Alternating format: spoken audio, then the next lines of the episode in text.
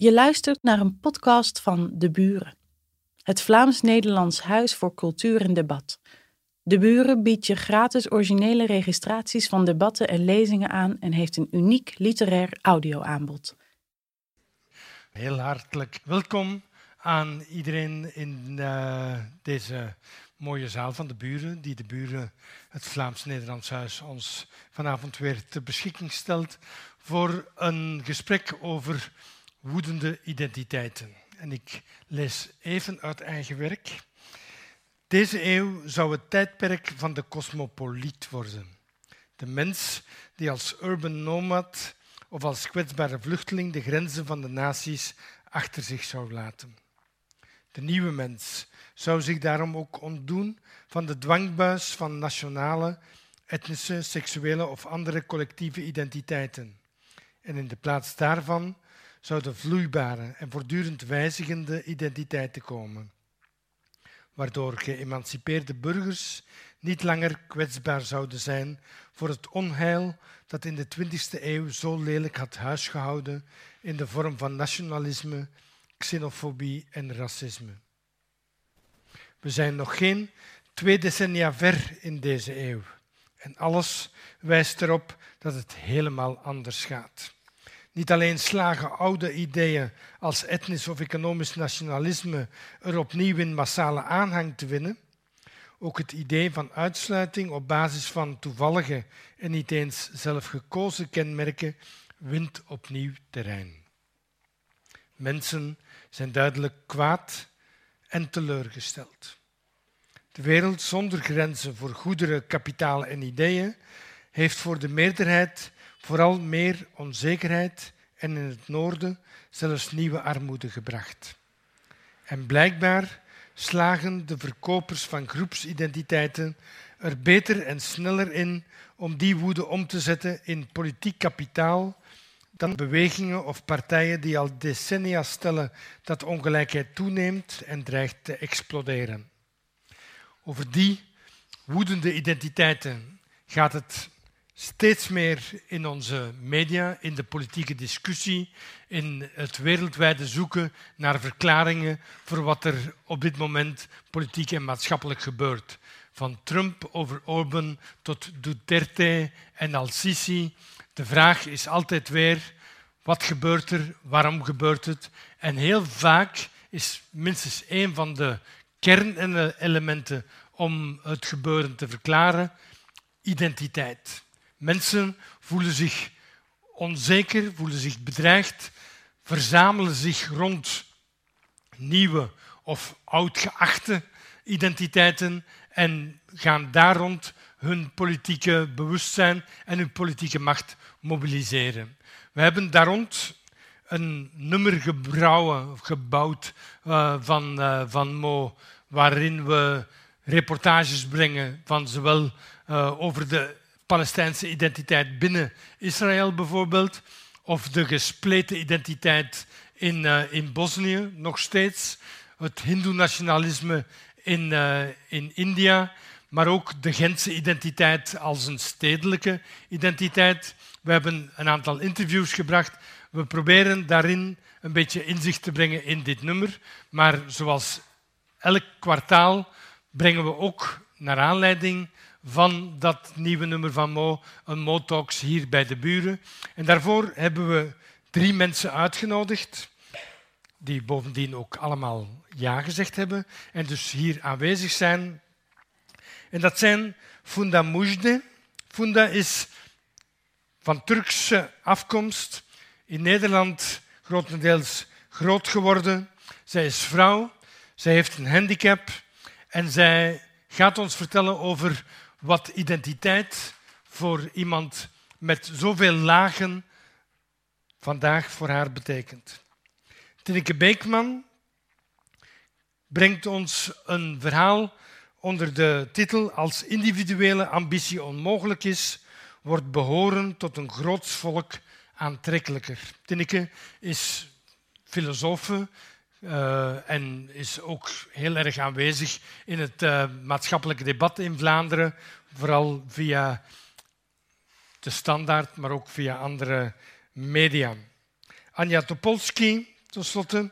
Uh, onze eigen Mo-columnisten, maar ook docenten en verbonden aan de Universiteit van Nijmegen, spreekt onder de titel Stop het uitsluitende nationalisme voor het alweer te laat is.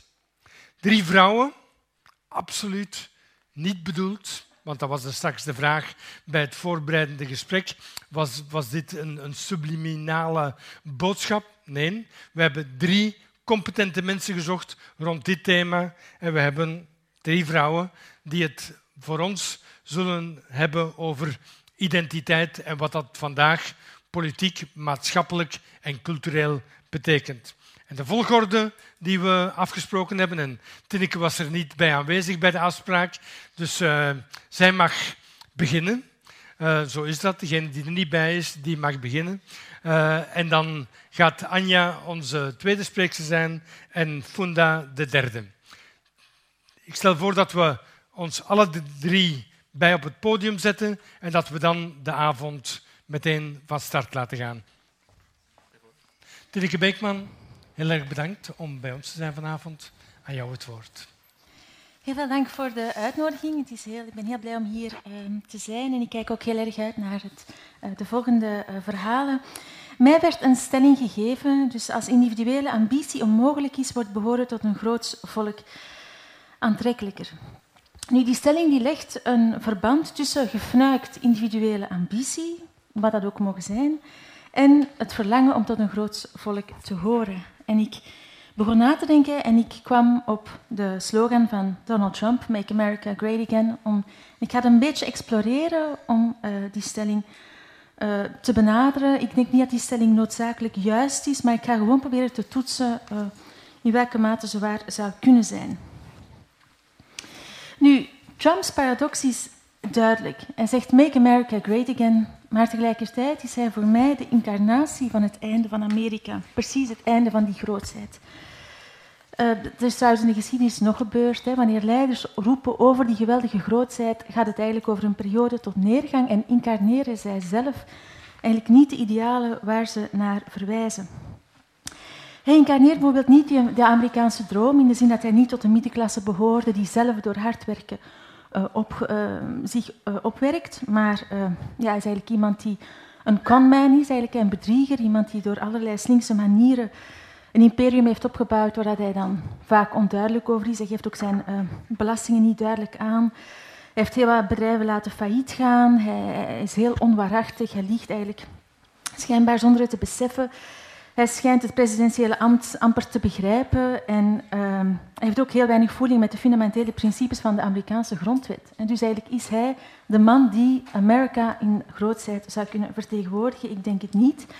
En dan heb je nog zijn stijl, zijn taal, zijn houding, die werkelijk zo ver verwijderd is van de uh, houding en de voorbeelden van de Founding Fathers, dat je moeilijk iemand kan vinden die er meer van verschilt. Lees maar uit de autobiografie van Benjamin Franklin en de voorbeelden, de deugden die hij voorstelt, en dan zie je dat het echt een heel ander universum is.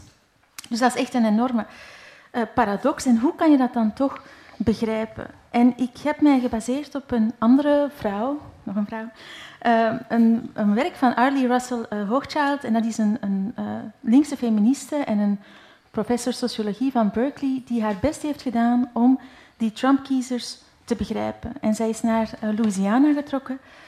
Um, waar, dat is eigenlijk een van de armste staten. Dat is een staat die heel afhankelijk is van federale steun, maar waar die Tea Party eigenlijk vrij groot is en waar Trump-kiezers ook heel enthousiast zijn. Want vanuit een liberaal standpunt een, is er eigenlijk alleen maar een, een paradox. Er is een vervuilende olieindustrie. Veel van die arbeiders hebben het heel moeilijk, leven in heel slechte gezondheid. Uh, maar toch richt de woede van die bewoners zich tot de federale staat en zijn ze helemaal niet vatbaar voor precies een linkse boodschap van staatsinterventie, van uh, overheidsprogramma's, die hen eigenlijk ten goede zouden kunnen komen. Dus die arbe arbeiders die stemmen tegen hun eigen belang, ze steunen rijke ondernemers, ze dwepen eigenlijk met iemand als Trump, maar ook met uh, lokale ondernemers die geen enkele scrupules hebben tegenover hen. En ze kijken neer op wie het moeilijk heeft, in plaats van daar een solidariteit mee te voelen. En Annie Russell Hochschild heeft uh, iets gedaan wat ik heel interessant vind, namelijk ze heeft geprobeerd van te begrijpen wat er in die mensen omgaat en ze heeft daar heel veel eigen vooroordelen voor moeten opzij zetten en zelfs heel veel spontane reacties van, uh, van onbegrip. En zij, haar stelling is dat er een soort deep story is, een verhaal dat elk Amerikaan zichzelf vertelt. En dat is eigenlijk het verhaal van een Amerikaanse droom. Dat als je hard werkt, je je best doet, je voor je familie zorgt, je je aan de regels houdt, dan kan je succes hebben. En zij beschrijft hoe in de ogen van die mensen, al lijkt het totaal onlogisch en onbegrijpelijk, dat zij het gevoel hebben dat dat niet meer het geval is. En daarvoor geven ze de federale overheid uh, de schuld, het schuld van een soort falen. Onder meer door het feit dat er allerlei programma's zijn voor, uh, voor minderheden, voor zwarte, voor kansarmen. En dat ze zeggen, ja, dat wordt eigenlijk betaald met het belastinggeld van de middenklasse. En vandaar dat ze zich daartegen uh, verzetten. Natuurlijk speelt, en hier komen ook op die identiteit, uh, ook in die deep story speelden ook al identitaire kwesties mee, zoals het verlies van de Amerikaanse burgeroorlog, waarin Lincoln de slavernij afschafte. Het feit dat die burgerrechtenbewegingen sociale voordelen en programma's brachten voor andere groepen. En dus het is eigenlijk een, een deep story waar je het zeker niet mee hoeft uh, eens te zijn, of waar ik denk dat het belangrijk is om precies ook begrip te hebben voor het feit dat het wel degelijk vanuit een Amerikaans perspectief een vooruitgang is om ook die andere groepen meer kansen te geven, maar vanuit hun perspectief is het niet het geval. Ali Hochschild legt dus eigenlijk heel erg de nadruk op het emotionele gehalte van zo'n deep story en, en eigenlijk hoe een hele logica uitvolgt die hele paradoxale uh, gevolgen heeft. Ik denk dat ze, uh, en daar legt ze minder de nadruk op, maar dat is denk ik ook wel het geval, dat uh, het niet alleen emotioneel is, maar dat die Tea Party mensen of die kiezers voor Trump natuurlijk ook vatbaar zijn voor een soort populisme, hè, waarbij zij het Amerikaanse volk incarneren. De leider is eigenlijk hun vertegenwoordiger en dan krijg je de uh, uitsluitingsmechanismen, dus wie er niet bij hoort. Daartegenover is dan ook, zijn allerlei vormen van geweld toegelaten. We hebben dat gezien in de campagne, heel gewelddadige meetings, racistische, xenofobe, sexistische slogans en andere. Een zaal die scandeert lock her up over Hillary Clinton voor feiten die veel minder erg zijn dan wat Trump tot hiertoe heeft uitgehaald met zijn uh, reactie tegenover, of zijn uh, vreemde banden met Rusland. Dus dat populisme dat speelt ook wel mee. Maar wat ik interessant vind, is precies dat uh, Hochschild probeert om die politieke positie te begrijpen. Ze rechtvaardigt ze niet, ze veroordeelt ze ook niet. Ze gaat eigenlijk in een soort open houding. En ze beschrijft natuurlijk hoe die deep story bijzonder contraproductief is. Hè, omdat Trump, zoals ik al in het begin zei, objectief bekeken en van op een afstand bekeken absoluut niet incarneert waar die mensen naar op zoek zijn. Wat ook meespeelt is een afkeer van de federale overheid, van Washington en dan is Trump een outsider enzovoort. Dus ik wil de complexiteit niet reduceren, maar ik heb maar tien minuten, dus ik ben aan het hollen. Um, maar dus het, het is, dat speelt natuurlijk ook mee dat zij een argwaan hebben tegenover die uh, federale overheid en tegenover de politici in, in Washington. Um, nu, om het te hebben over die deep story, want zo komen we wel tot het thema van identiteit. Um, ik denk dat um, eigenlijk elke burger, ook liberals in Amerika of anderen, eigenlijk ook een soort van deep story hebben. Ja. Natuurlijk, een deep story, dat Hoogstraal nogal beschrijft als een soort emotioneel verhaal, is niet het einde. Je hebt misschien een deep story, maar daarnaast heb je natuurlijk ook wel politieke ideeën, je hebt wel uh, theorieën, je hebt wel een soort uh, redelijk inzicht in, in, politieke mechanismen, maar toch denk ik dat die deep story, dat, ik vermoed eigenlijk dat heel veel mensen dat hebben. Liberals in Amerika hebben er ook een, maar gewoon een heel ander. Over wat het betekent om Amerikaan te zijn, namelijk te pleiten voor gelijke rechten, tegen discriminatie, openheid voor migranten. Amerika is een land waar iedereen welkom is en waar mensen kansen moeten uh, krijgen, bijvoorbeeld. Um, en dat betekent dat identiteit ook altijd een soort keuze is. Nu, idealiter, uh, en daar, er zijn natuurlijk ook verschillen in die, die soorten van, van deep story. Idealiter heb je natuurlijk een verhaal waartoe je wel enige afstand kan nemen. want wat ze eigenlijk beschrijft, is hoe die mensen in Louisiana uh, eigenlijk reageren vanuit een verhaal dat ze zichzelf vertellen, maar waar ze geen afstand toe hebben. Dat ze eigenlijk vanzelfsprekend vinden. Dat, dat eigenlijk structureert wat ze politiek denken. En een verhaal dat hen ook verteld is vanuit hun jeugd, vanuit hun vader, hun overgrootvader. Zo zien zij eigenlijk zichzelf in die gemeenschap. En dus een deep story gaat over, uh, over wie je bent, over welke plaats je inneemt, over wat, wat je mag verwachten van de overheid en van anderen. En als je natuurlijk het niet openlijk hebt over die deep story, dan is het heel moeilijk om te begrijpen wat er, uh, wat er gebeurt en ook om begrip op te brengen voor mensen die niet tot jouw verhaal uh, behoren. Dus natuurlijk als een, als een verhaal zo identitair is en zo, zoals ze dan zeggen, bijna essentialistisch, identitair, dan krijg je natuurlijk een uitsluitend verhaal. Ja, dat is ook Amerikaans en is, eigenlijk zeggen ze impliciet, blank Amerikaans zijn die uh, een aantal rechten heeft of die als hij zich inspant op een bepaalde manier ook bepaalde dingen mag verwachten. En dat wordt dan tegenover een andere groep uh, beleefd. Maar dat neemt niet weg, denk ik, dat er verschillende soorten van deep story zijn. Ik denk dat bijvoorbeeld in Europa heb je ook allerlei vormen van, van deep story in de zin dat je nadenkt over wie je bent, maar ook over je eigen verleden, over het verleden van Europa. En dat kan een heel sterke motivatie zijn, ook voor politiek engagement. En bijvoorbeeld het feit dat er migranten verdrinken in de Middellandse Zee, als een soort van ja, verontwaardiging, want in je verhaal over Europa en mensenrechten zou dat eigenlijk onmogelijk moeten kunnen zijn. Dus dat je eigenlijk denkt van wie je wil zijn en waar je vandaan komt en wat je mag verwachten van politici of van een gemeenschap, dan zijn bepaalde dingen onaanvaardbaar. Dus uh, die verhalen die kunnen heel erg uh, veranderen. Maar ik denk wel dat die verhalen verbonden zijn met een gevoel van identiteit. Hoe ongrijpbaar, ondefinieerbaar, veranderlijk zo'n identiteit ook uh, kan zijn. En dat brengt mij uh, op het feit dat je idealiter dat verhaal wel kan aanpassen. Hè? Dat je wel je verhaal kan uitbreiden. Je wel begrip moet kunnen opbrengen voor wie niet tot jouw verhaal behoort. Want dat is natuurlijk in het voorbeeld van die Trump-kiezers, uh, in het geval dat ze, zich, dat ze ook meegaan in die gewelddadige kant van Donald Trump. Dat is natuurlijk, uh, je maakt daar een strikt onderscheid tussen wie erbij hoort en wie er niet bij hoort. En wie er niet bij hoort, daartegen is dan geweld uh, toegelaten. Maar dat blijft dus, ik, ik, denk dat aan die identiteit en aan die verhalen, dat er eigenlijk twee kanten aan verbonden zijn en dat je dat genuanceerd moet zien. Ik denk dat de afkeer voor uh, fenomenen zoals het feit dat Trump verkiezingen wint, uh, idealiter niet is dat je um, je afzet tegen elk idee van ofwel een deep story ofwel een soort van identiteit. Want ik denk dat dat gewoon hoort bij wat het betekent ook om burger uh, te zijn.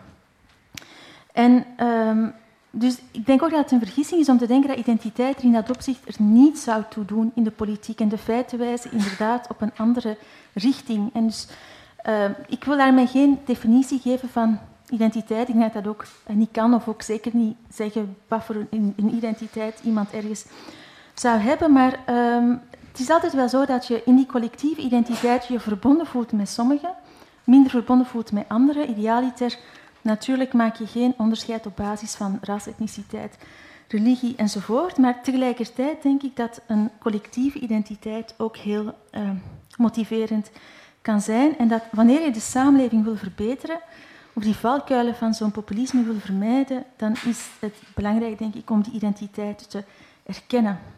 En ik zou willen afsluiten met een uh, kort citaat van Richard Rorty, een liberal die in zijn uh, boek Achieving Our Country het precies had over dat verbeeld verleden. En hij zei, de politieke discussie moet ook daarover gaan. En zijn verhaal kun je alleen als mythisch bestempelen als je daar objectieve verhalen tegenover stelt. Maar niemand weet hoe het is om een objectief beeld van je land te scheppen. Wij stellen vragen over onze individuele of nationale identiteit als onderdeel van een proces waarin we besluiten wat we zullen gaan doen, wat we zullen proberen te worden. Dus ook als het gaat over uh, verschillende politieken, of je nu links bent, rechts en alles daartussen, of aan de ene of aan de andere kant, uh, er is eigenlijk altijd wel een bepaald verhaal over die die, ook betrekking heeft op het soort land dat je wil zijn en wat je samen wil gaan doen. En hij zegt ook, nationale trots is zoals individueel respect en zelfrespect. Dat is noodzakelijk voor zelfverbetering. En dus het is precies belangrijk om die verhalen bij anderen te onderkennen, maar ook te werken aan je eigen verhaal. de natuurlijke idealiter ehm, ook een heel kritisch verhaal is over dat verleden. Het is niet de bedoeling om dat verleden alleen maar te uh, bejubelen. Integendeel, als je wilt dingen verbeteren, dan denk ik is een zin voor realisme over die complexe identiteit van het verleden is dat belangrijk. Maar tegelijkertijd, um, als je, tegelijkertijd is een soort erkenning van wat je wel beter kan doen um, heel erg uh, belangrijk. En dan helemaal afsluitend zou ik nog heel kort willen zeggen dat globalisering eigenlijk het belang van identiteit eigenlijk vergroot heeft.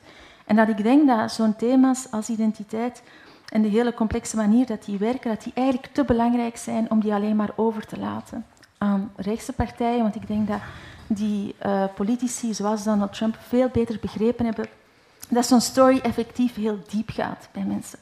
Of dat je dat nu uh, wil of niet, ik denk dat het niet erover gaat om dat te beoordelen, maar eigenlijk, zoals Spinoza zegt, ook om de dingen te begrijpen. Dank je wel. Dank je wel.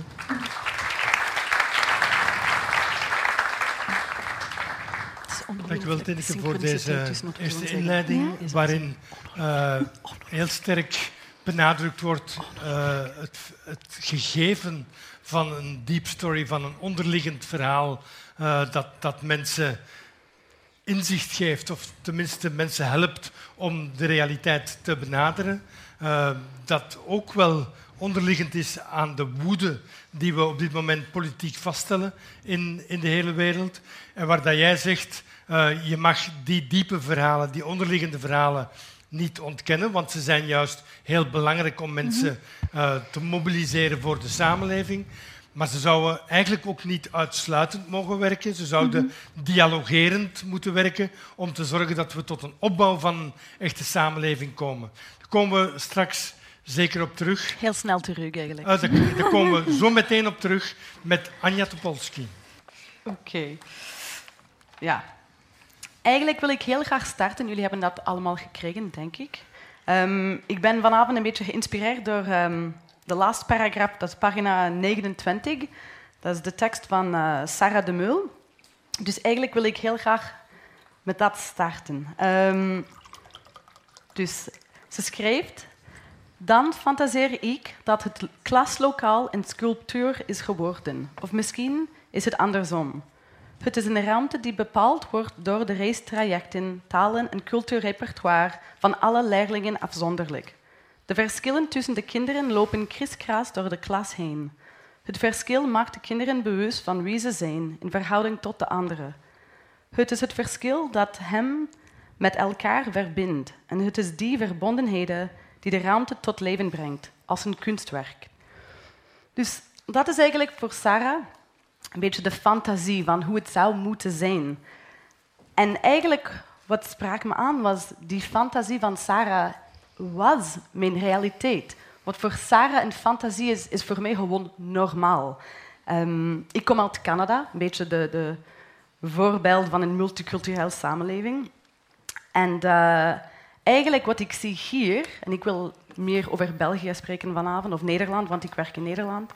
Um, eigenlijk wat ik zie hier is een beetje abnormaal. Um, en dus ik moest mezelf een beetje vragen van waarom? Waarom is de fantasie van Sarah mogelijk als realiteit in een ander land, maar eigenlijk niet hier? En ik besef heel goed dat Canada heeft een andere geschiedenis. Dus op één kant moeten we wel zeker zeggen wat multiculturalisme daar in Canada is niet begonnen zoals hier in Europa met een geschiedenis van kolonialisme of het Shoah.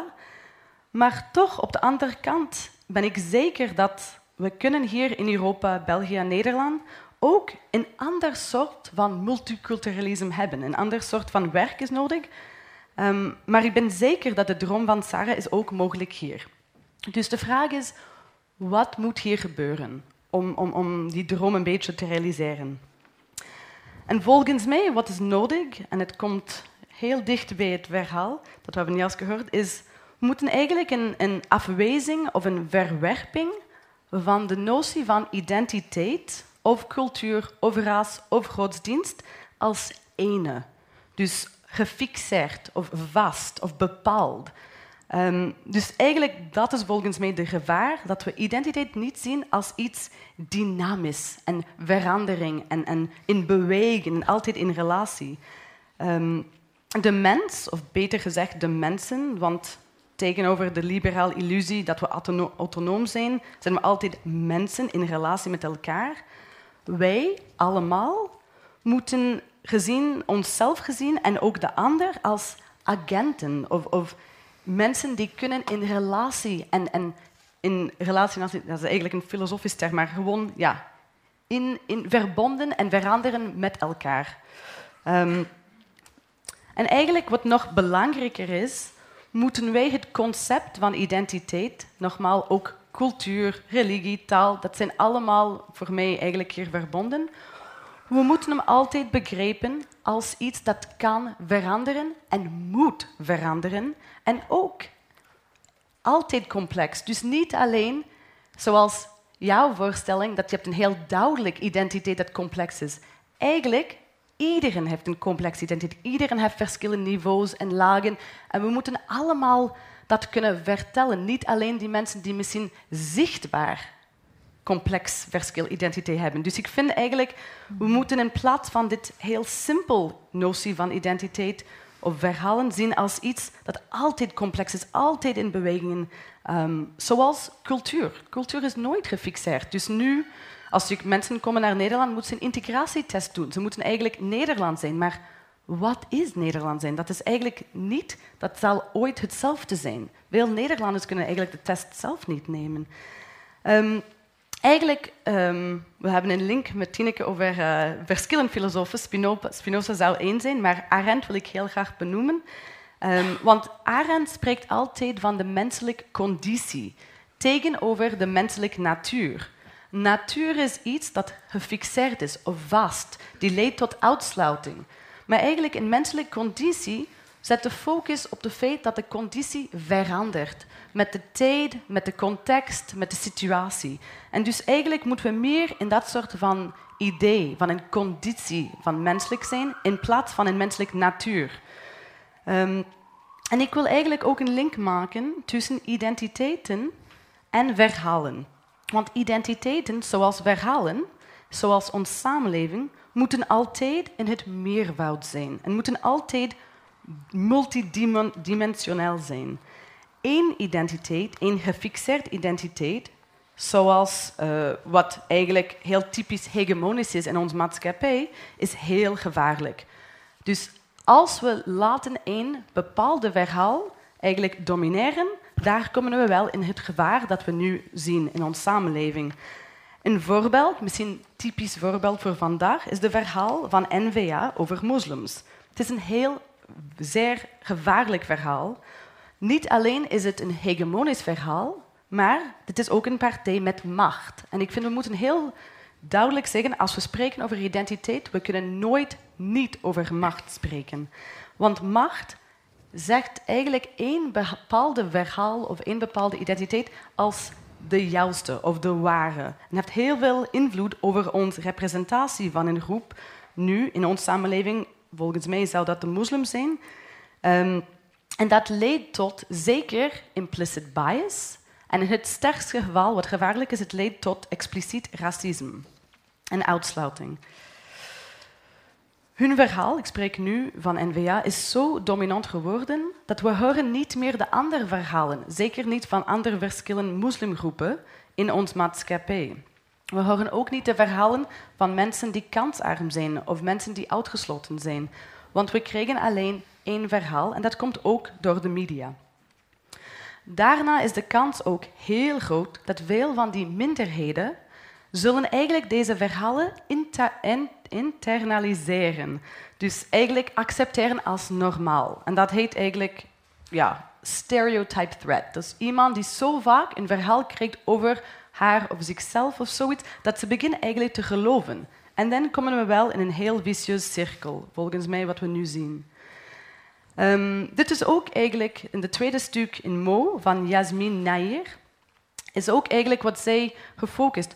Wat gevaarlijk is van ons hedendaags identiteitspolitiek, is de feit dat we niet begrijpen dat dat vaak een reactie is tegenover macht. Ehm, en ik vind het belangrijk om te zeggen, ze schreef het niet in haar stuk, dat het is belangrijk om wel identiteitspolitiek te gebruiken om politiek te voeren, om dingen te veranderen. Dus ik vind belangrijk bijvoorbeeld de ideeën van iemand zoals Nira Yuval Davis, die schreef over transversal politics, dus politiek tussen mensen. Of Gattari Spivak, die schreef over strategic essentialism. Dus eigenlijk dat is wanneer je gebruikt een groepsidentiteit als politiek um, ja, tool om iets te veranderen. Maar toch is het doel verandering. En dat is wat heel belangrijk is bij politiek en ook bij identiteit. Dat het moet altijd kunnen veranderen. Maar wat wij moeten zorgen, is dat onze identiteit, dus niet alleen mijn identiteit, maar ook die van jullie, is dat nooit eigenlijk simpel is of eendimensioneel. Of eigenlijk dat we zeggen dat alleen sommige mensen hebben een complex identiteit. Want iedereen heeft verschillende niveaus en dimensies van zijn of haar identiteit. Het gevaar is dus dat we laten de politiek, en dit gebeurt zeker door populisme, we laten het eigenlijk reduceren tot één dimensie. Meestal is dat wit-zwart als we spreken van Verenigde Staten, of moslim-niet-moslim als we spreken van Europa, of soms man-vrouw. Dus al die verschillen binaire zijn gewoon een reductie van de complexiteit van de mens. Wat heel bezorgend is, is als we dat toelaten, dat reductie van onszelf en van de ander, is dat het leidt eigenlijk tot een heel moeilijke situatie. Want mensen die eigenlijk gereduceerd worden of dehumaniseerd worden, kunnen niet veranderen, kunnen niet reflecteren, kunnen niet zelfkritiek uitvoeren. Eigenlijk, ze voelen niet zelf als agenten, als empowered. Dus eigenlijk, wat belangrijk is ook, ze kunnen niet eigenlijk verantwoordelijk zijn van wie ze zijn. Um, dus eigenlijk is het heel belangrijk om te beseffen dat dat eendimensionaliteit is beperkend of begrenzend voor ons als mensen en zeker voor onze maatschappij. Dus eigenlijk, dat is een beetje main sketch van wat ik zie vandaag in Europa. En een beetje een pleidooi naar een meer multidimensioneel of meerwoud identiteit door mensen en minder binair werken. Want het leidt echt tot een, een cultuur waar mensen zijn helemaal alleen en isoleerd van de ander, niet verbonden kunnen zijn, heel bang, um, ook zeker in, in populisme speelt een heel grote rol, en heel onzeker. Als je wil eigenlijk jezelf vragen stellen, jouw identiteit in vraag stellen, jouw verhalen, moet je wel eigenlijk thuis voelen. En als je niet thuis kan voelen, zal je niet durven die vragen te stellen. Um, en eigenlijk jezelf en de ander ook exploreren en ben je ook niet meer open voor de verhalen en de verschillende identiteiten van ander. Ik kom wel naar mijn conclusie, ik weet niet hoeveel minuten, maar. Um, um, ja, dus het laatste punt. Misschien zal ik wel eigenlijk enden met een verhaal. Dus uh, zondagavond, dus twee dagen geleden, was ik hier in Brussel en ik ben naar een iftar-viering gegaan. En uh, ja, ik had wel de geluk, ik weet niet, misschien is het gewoon per toeval, maar ik zat tegenover een Persiaans-Amerikaans vrouw. Naast mij op de rechterkant was een Marokkaans-Frans vrouw. En op mijn linkerkant was een Palestijns uh, moslimman. Um, en wat heel bijzonder was, was hun verhalen waren absoluut anders. Waar ze komen, uh, hun manier om iftar te vieren, hun ideeën over islam. Dus ik zat zo in een driehoek waar ik kreeg gewoon ongelooflijk interessante verhalen, heel complex identiteiten. Um, eigenlijk was het gewoon ongelooflijk. Maar wat wel frappant was voor mij, was dat alle drie waren mee eens over één punt. Ze hadden allemaal het gevoel, heel sterk, dat hun identiteit was hier helemaal gereduceerd tot moslim. Dus al de andere verschillen tussen hun. Iemand van Persia, of van Perzische afkomst, iemand eigenlijk geboren in de Verenigde Staten, iemand uit Palestijn, iemand van uh, Marokkaans wortels, maar geboren in Frankrijk. Eigenlijk hier in Brussel, voor hun, ze waren gewoon heel simpel gereduceerd moslims. Verschil tussen man, vrouw, jong, oud, taal, cultuur dat was er niet. Voor hun was het heel duidelijk. Ze zijn gezien als moslims. En geen van de drie kon hier thuis voelen. En ik vond dat eigenlijk een beetje de verhaal dat ik wou overbrengen van dit is wat gebeurt in ons samenleving, want we reduceren niet alleen hun identiteit, maar ook ons eigen identiteit en verhalen tot iets heel eendimensioneel. En dat moeten we eigenlijk niet meer doen. Dankjewel. Ja, dankjewel. Dankjewel, Anja. Je hebt inderdaad uh, voortgeborduurd op, uh, op de inbreng van, van Tinneke, waar, uh, waar het daar ging over het onderliggende verhaal. Zeg jij eigenlijk wezenlijk, het gaat niet over een onderliggend verhaal, maar het gaat voor voor de samenleving als geheel over heel veel verschillende verhalen. En zelfs voor elk individu gaat het over verschillende verhalen die je altijd moet meenemen en die we moeten de ruimte geven om tot, een, eh, tot die echte dialoog te komen, waar ook Tineke Beekman al naar verwees. Uh, want als we dat niet doen, reduceren we mensen.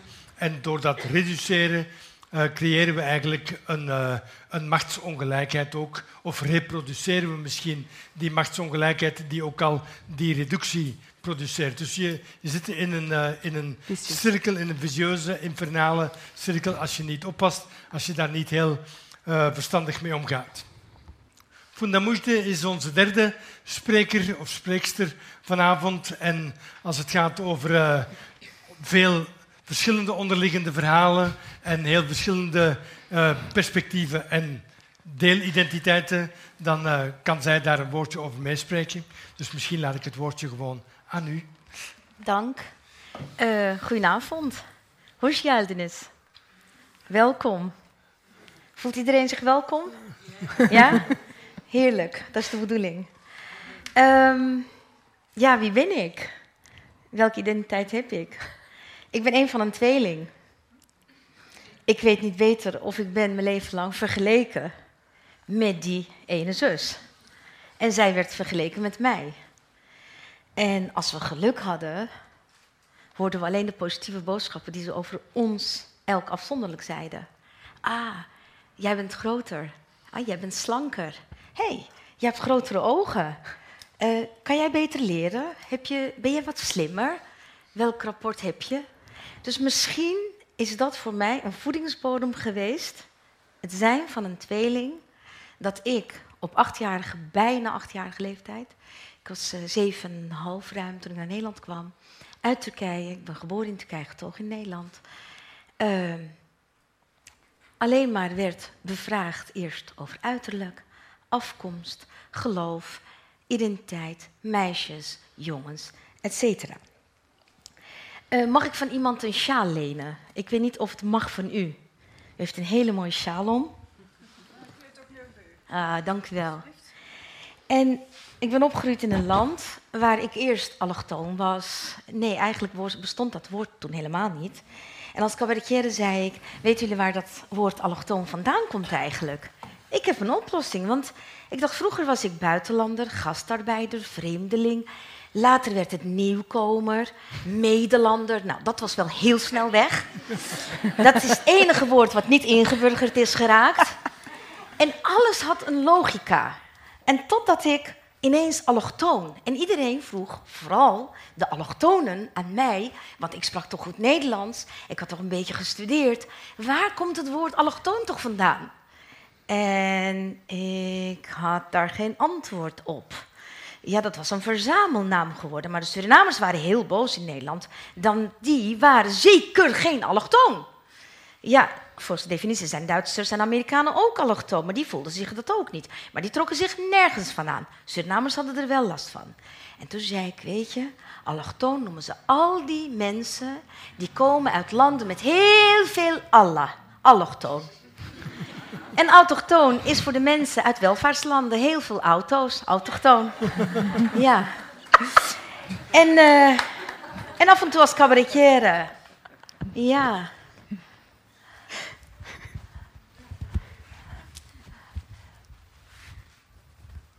En dan kan je verschillend knopen, hè, jongens? en ik een beetje anders uitzien nu? Weer een identiteit. Hoe kijken we naar elkaar? Hoe bejegenen we elkaar? nu zit ik al sinds tien jaar in een rolstoel. Dat is tien jaar geleden gebeurd. Ik was passagier in een taxi. Ja, shit happens. Split second, uh, lot.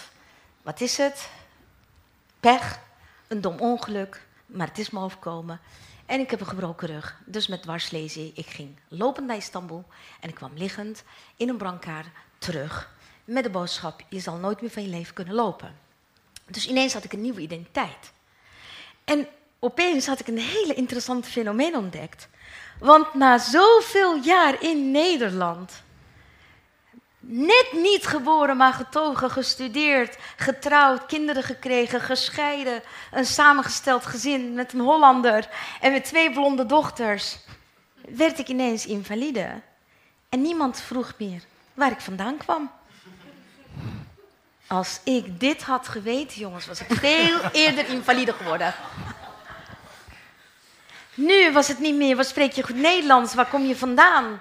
Ben je Latijns-Amerikaans, Turks? Dit is trouwens gestyled haar, ik heb eigenlijk krullen. En, uh, en, en, en, en, soms dan is dat Arabisch uiterlijk of Zuid-Amerikaans. Al hoe ik mij kleed en hoe ik mijn haar draag. Maar zodra het woordje Turks, moslim, etc., dus de jaren, laatste tien jaar, we hebben Ayan Hirsi Ali gekend, jullie wel bekend. Ja, jullie hebben hier Abu Jaja, wij hebben onze Ayan Hirsi Ali. ja. Uh, werd het ineens moslima wat de klok tikte. En inderdaad, moet ik mijn vorige spreker, of spreeksters eigenlijk allebei, uh, maar jij refereerde daar net aan, dat de moslimidentiteit werd overheersend. En ineens werd mijn rolstoel overheersend over alle andere identiteiten. En ik dacht, goh, dat is interessant. Ziekte en handicap, noodlot, discrimineert niet. Ik heb altijd al de gedachte gehad, ik ben columniste uh, geweest uh, in de grootste, uh, in die zin oplaagkrant van Nederland, De Telegraaf, 12,5 jaar lang. En in die zin is het heel bijzonder om columnist te zijn met mijn achtergrond, met mijn midden-links politieke identiteit op mijn hele rechtse krant. En ik kreeg ook hate mail, et cetera. Dus ik, ik, begon eerst terug te wijzen met dat vingertje. Dus zodra men uh, uh, de allochtonen, de moslims, de buitenlanders, de gastarbeiders verwijtend en de koppen en de sensatie en dit deed, dacht ik dat het antwoord dit was. Totdat ik merkte, ik ben in 2000 begonnen, 1999 ben ik gevraagd, dankjewel. En toen zei ik, nee, helemaal niet, dankjewel. en als cabaretier zou ik nu zeggen in de zaal, ze is niet vies voor mij, nou dat is heel fijn. dat is zo heerlijk aan mijn vak, echt waar. Uh, dus de, de identiteit van, uh, van, van mijn handicap, die maakte dat ik gelijk kreeg in wat mijn onderbuik altijd tegen mij heeft gezegd. Want ik ben moeder. Ik ben moeder gewoon van in dit geval ook twee en later samengesteld vier kinderen. Ik heb een kleinzoon, dat heeft niet mijn bloedband, maar hij voelt als mijn bloed. Waar je zorg voor draagt, waar je liefde voor geeft, waar je kennis van neemt en wil nemen, daar hou je van. Ik heb mijn kinderen proberen voor te leven in multiculturaliteit.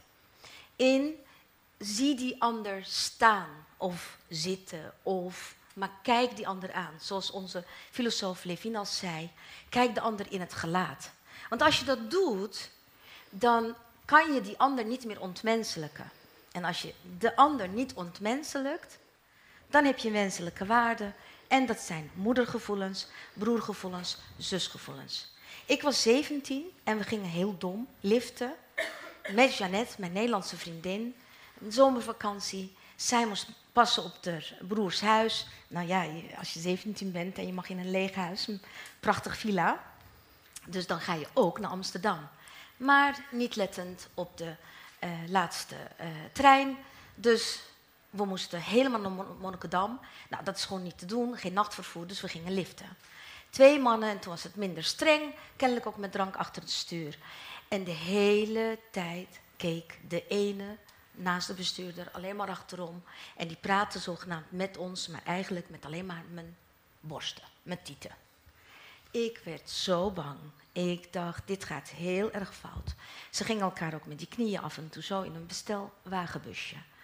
Toen dacht ik, intuïtief, er is maar één kans om hier aan te ontsnappen. Dat is dat ik bij die dronken lieden iets kan aanraken van het familie, gezinsgevoel. Dat ze ook een moeder hebben, een zus hebben, een vriendin hebben. Maar dat ander geslacht, dat moet in hun beeld, in hun nabijheid komen. Ik heb de gouden woorden gezegd, de gouden dingen verteld. Ze gaven het op, maar ze vonden het wel zo saai dat ze besloten dat we de laatste kilometers ook lekker mochten lopen. dus we zijn ergens midden in de nacht weggezet. Dat was een soort van levensles voor mij. Als je elkaar ziet, dan doe je elkaar bijna geen kwaad.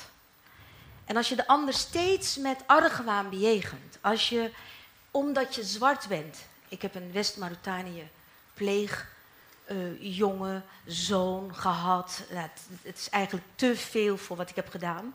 Maar de bedoeling was dat hij eens in de zoveel tijd bij ons thuis kwam en de Nederlandse gebruiken kende, Nederlands leerde, Sinterklaas en uh, nou ja, uh, al, al dat, dat soort. Ik heb nog nooit in mijn leven van nabijheid iemand in mijn huis gehad die blauw-zwart was. Ik was geïntrigeerd door die blauw-zwarte kleur. En wat vertelde hij? Niemand wilde naast hem zitten. Nederland was koud, zo begon het gesprek. Toen zei ik, ja, Nederland is koud, maar dat bedoelde hij niet. Hij bedoelde, qua menselijke warmte is Nederland koud. Hij heeft altijd de luxe van twee plaatsen in de bus en de tram. En ik moet aan dit soort voorbeelden denken. Dan kom ik een ander voorbeeld. Mijn zoon is nu 25. Vijf jaar geleden zegt hij, mam, ik ga naar Turkije, ik ga het leger in. Wat? Sowieso is zijn hele opleiding door een ongeluk redelijk mislukt.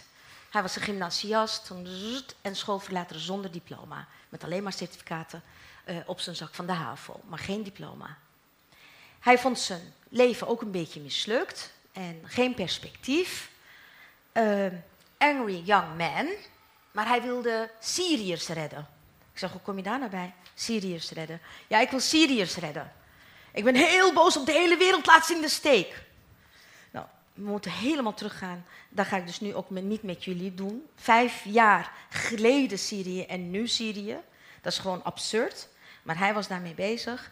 Maar het was ook een stukje antwoord op zijn eigen persoonlijke frustratie enzovoort enzovoort. Want wat was het geval? Sinds zijn veertiende werd hij vaker aangehouden door de politie in Nederland, in Amsterdam. Wij leefden en ze zijn geboren Amsterdammers. En ik heb het vergoelijkt. Tot op de dag van vandaag vergoel ik het. Uh, ook met mijn schoonzoon, een Turkse jongeman van mijn dochter. Als hij wordt aangehouden, hij is 1,85, wat zeg ik, 1,87. En ziet er niet als een typische Turk of een moslim uit, maar hij wordt er toch vaker uitgepikt. En dan vergoel ik, vergoel ik het met ook mijn zoon. Dat ik tegen ze zeg, ja maar de politie doet zijn werk. En nee mama, je snapt het niet. Nee mama, zo zit het niet. Dus ze worden aangehouden, ze worden anders bejegend, ze worden niet beleefd bejegend, et cetera, et cetera, et cetera. En ze zijn heel goed opgevoed, hoop ik, denk ik, mijn kind in het geval, dat hij zegt, als hij me netjes vragen stelt, netjes om een identiteit vraagt, dan krijgt hij nog een bedankt terug ook. Dus hij bedankt dan de agent en dan gaat hij toch weg, ook al trilt hij soms van woede op zijn benen. En ik probeer de andere kant te laten zien. Want hij heeft twee Nederlandse stiefzusjes. Hij is niet typisch Turks opgevoed. Al helemaal niet beleidend moslim. De identiteit is hem aangegeven. Dus ineens voelt hij Turk dan Turk. Ineens wil hij vasten. En je denkt, je bent niet eens besneden. Want dat was een bewuste keuze van mama destijds. En hij mocht het later kiezen. Dat is ook een hele mooie je zeggen. Nu achteraf. Wat doe je een kind aan? Op je achttiende mag je het zelf weten. Zelfbeschikking.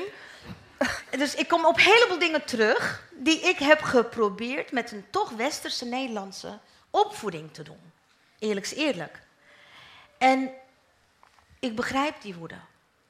Ik begrijp de, ik denk 60, 70 procent van de jihadisten Maar dat wil ik met jullie kunnen delen. Dat wil ik gewoon met jullie kunnen bespreken. Ik zit vol met vragen. Ik zit met angsten. Ik zit met ook de vragen: waar moet de wereld naartoe?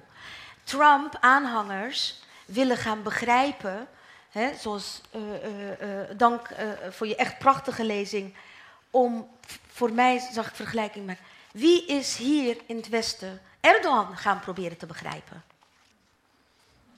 Er zijn miljoenen mensen die Erdogan wel begrijpen en Trump niet.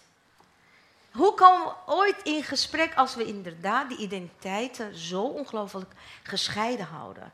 En ook de privileges, ook wie heeft het beter economische uh, uh, verdelingen in, in, in de hele wereld. Nou, om mijn bijdrage, in ieder geval hierbij, ik zeg in mijn cabaretvoorstelling, op een gegeven moment, wij gingen naar school in Turkije, mijn tweelingzus en ik. En daar leerde je dat we één natie, één taal en één religie hadden. Nou, vanuit de geschiedenis van Turkije, de Republiek, de stichting van de Republiek van Turkije, gericht op het Westen, nota bene, Atatürk, de vader der Turken, kun je er wel absoluut een analyse over houden en, en, en, en begrip voor tonen voor een deel. Maar je bent Koerd, je bent Alevitisch, je bent alles, van alles in de klas. Eén natie, één taal, één religie. Dus kwamen we naar Nederland en we ontmoetten een heleboel soorten Turken uit heel Turkije. Wauw. Uh, Turkse, Turkmenen, Turkse Grieken, Koerden, Lazen, Azeris, Armeniërs, Arameërs, uh, Arabieren, Sephardische Joden, uh, Kormani, Zorani, Kokanjis, uh, Kermanji. De Turk bestaat niet. En ik heb een dwarslesie, jongens, op een laag niveau. Dat is op L1, lumbaal 1. Ik heb een incomplete dwarslesie, niet compleet. Ik heb een lage lesie, geen hoge. Dat betekent dat mijn handen het wel doen, maar mijn benen niet helemaal. Dat mijn temperatuurregelaar het nog steeds doet. Ik heb jeuk en ik heb seks. De gehandicapte bestaat niet. Met andere woorden, één individu. We zijn allemaal individu. En Nazım Hikmet, een Turkse dichter, die zegt: We zijn allemaal samen één bos, maar elk een boom. En elk één boomindividu op zich, maar we samen zijn wel één bos. Zo zie ik de samenleving.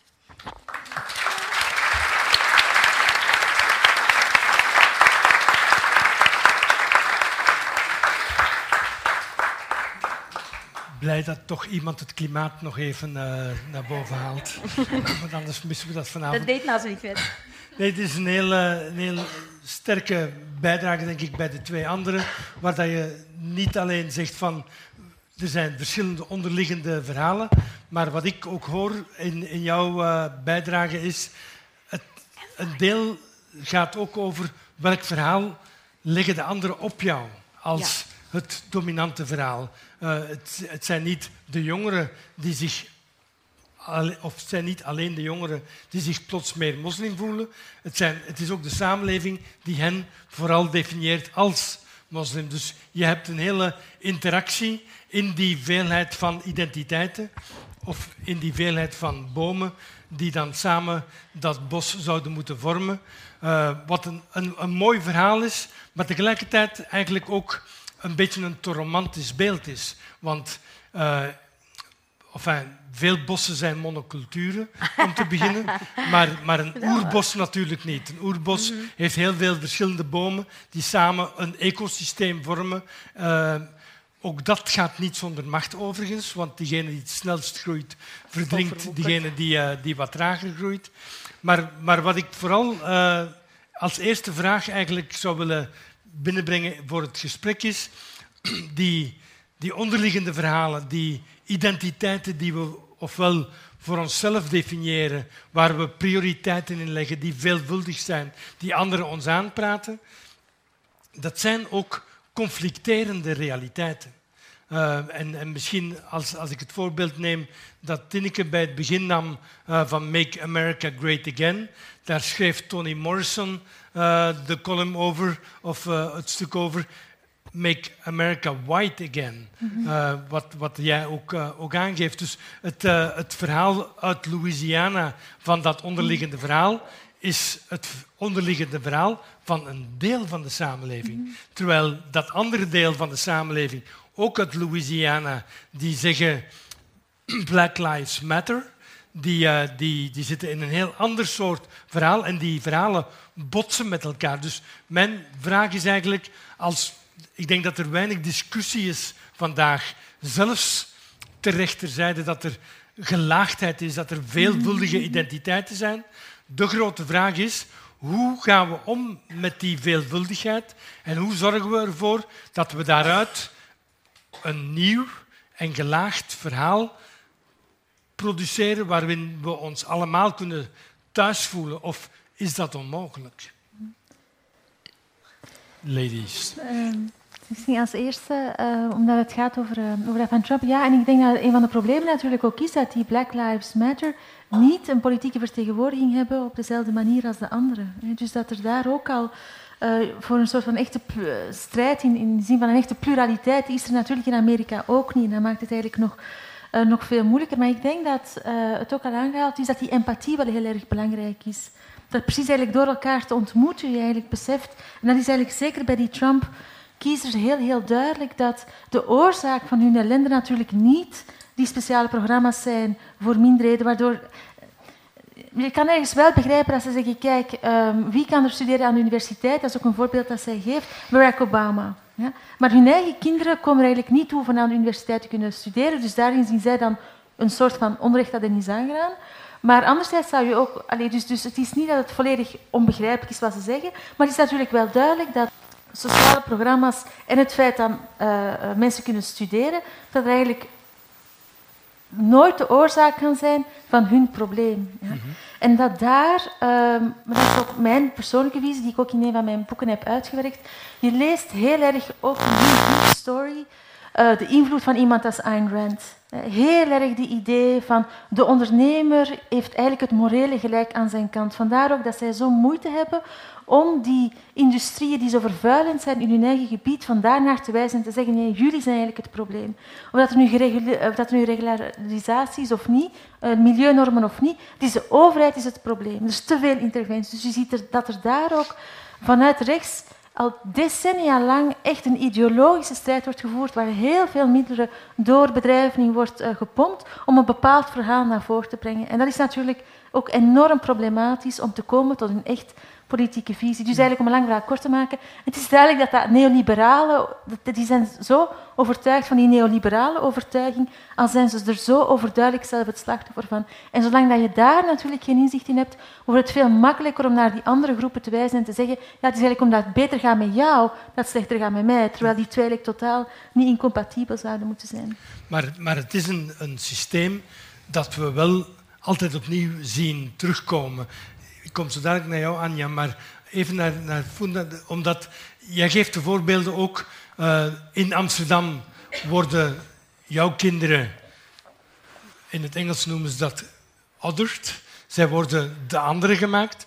Maar in Turkije was je ook, behoorde je ook tot de andere in, in zekere zin, want jullie waren van Syrisch-Arabische uh, achtergrond, dus niet behorend tot de Turks-Turkse uh, meerderheid. Dus is dat, is dat dat systeem van we proberen die kring van de familie en de clan een beetje te vergroten, maar we blijven eigenlijk in dat systeem van ons, wij tegenover zij. En we proberen dat te verankeren in macht en, in, uh, en, in, en dus ook in welvaart. Is dat zodanig des mensen dat we dat daar niet uitkrijgen? Of of is dat een te deterministische visie? Allebei.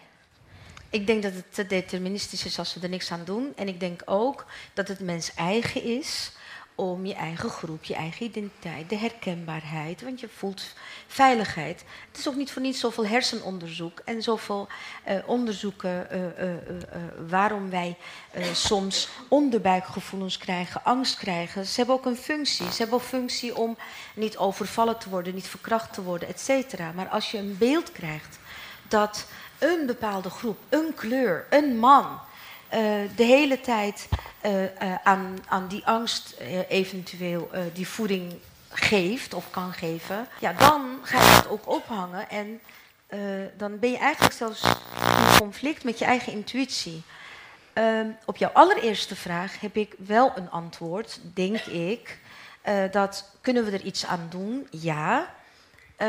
Want ik kom uit een land waar democratie pril was. Uh, ik ben geboren in Turkije. dus als we op vakantie gingen en het was. er is iets aan van iemand per ongeluk, denk ik. Radio, televisie. Kijk je Netflix? is ook een nieuwe identiteit, hè? Netflix kijken. ja. ja, die dicteren ons de hele wereld, echt waar. Ik ben me ervan bewust in ieder geval. Uh, dat, uh, dat wat helpt, zijn wel degelijk wetten. Dus voorlichting. Ik denk dat Nederland helemaal niet zo slecht doet. Dus ik kan heel erg kritisch zijn op Nederland op heleboel vlakken. Echt maar zeg ik het echt even Nederland en Nederlands. Maar, want ik vind dat wij op moeten houden met borstklopperij. Ik als Funda, als individu, maar wij als land, als Nederland. Altijd kan alles beter. Feminisme, emancipatie, vrede, mensenrechten. Ze kunnen altijd beter. Democratie. Ik heb altijd gevoeld, maar dat komt waarschijnlijk door mijn Turkse roots, Turkije roots, dat democratie als een plant is, een bloem is wat je water moet blijven geven. Het is helemaal niet take it for granted. En ik ga wel stemmen en ik ga niet stemmen. En nee, jongens, democratie is een van de vormen, de betere vormen in de wereld op dit moment, waar wij met z'n uh, allen een soort van inrichting hebben kunnen uh, uh, geven aan het bestuur van een land. Ik, ik ken nog geen andere betere systemen. Dus zolang dat is wat, wat, wat er is, kunnen we het beter koesteren en beter maken. Maar hij is altijd nog beter dan in Turkije. Wat is in Turkije goed gegaan? In 2004 waren er hervormingen. De hervormingen bij de wet, ze werden niet toegepast. En nu heb, haal ik dat stukje er even niet bij met de laatste vier, vijf jaar Erdogan. Maar ze, ze, wetten moeten ook geïmplementeerd worden. Maar ze moeten er wel eerst zijn.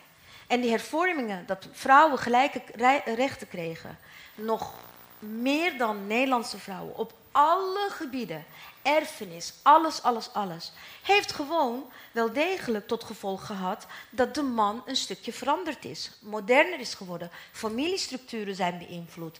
Want als jij de wet achter de hand hebt en dan een stukje voorlichting en een stukje implementatie, dan denk ik dat je een samenleving een beetje kunt inrichten, vorm kunt geven, richting kunt geven.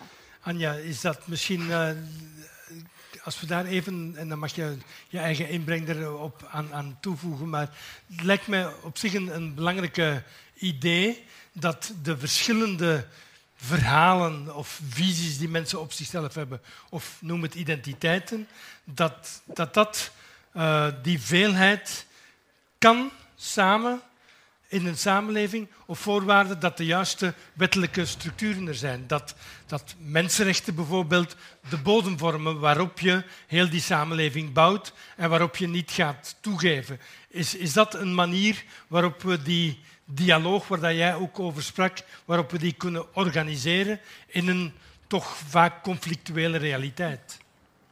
Ja en nee. Um, eigenlijk heb ik niets gezegd over dialoog. Dus gewoon om bewust te zijn dat je hebt dat meegebracht. Eigenlijk wou ik veel meer over macht. Um, maar um, ja, laat me zeggen, ik ben een beetje meer voorzichtig met het hele verhaal van wet.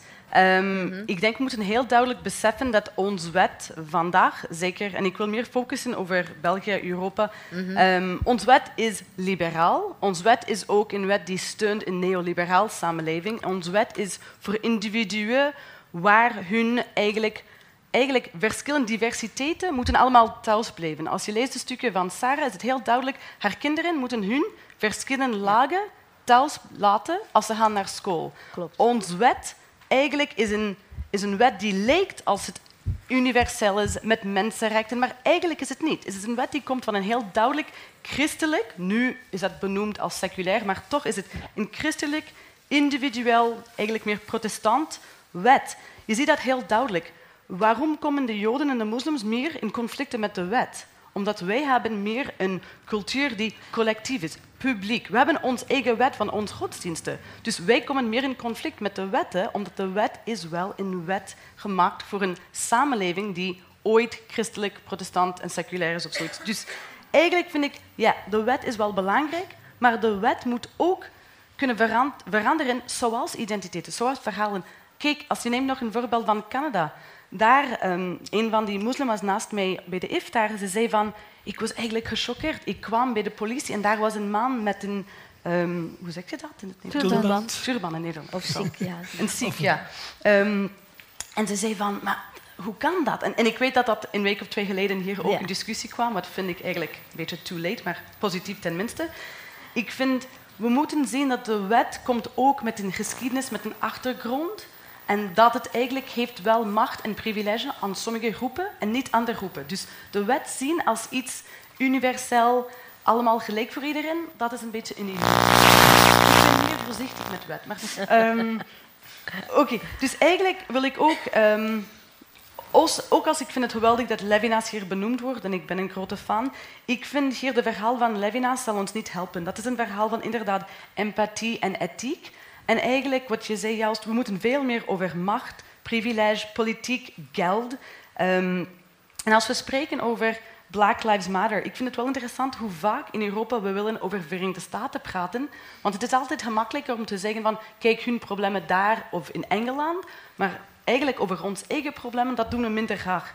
Uh, maar ik vind als we spreken meer over racisme in Europa, en die racisme is eigenlijk uitsluitend voor Roma's, voor moslims meestal, voor vluchtelingen, um, moeten we zien dat hoe meer je uitgesloten bent van de maatschappij, hoe meer je kruipt in in groepsidentiteit en je zegt, voor dit moment zal ik alle verschillen tussen ons op de kant zetten om een politiek te voeren. Ik sprak juist van die, die strategic essentialism. Black Lives Matter is een campagne waar er ongelooflijk veel diversiteit is. Als je spreekt met de mensen op straat, de mensen zijn helemaal niet mee eens met elkaar. Maar ze zijn wel mee eens dat ze zijn allemaal uitgesloten door de macht, de politiek, de privilege.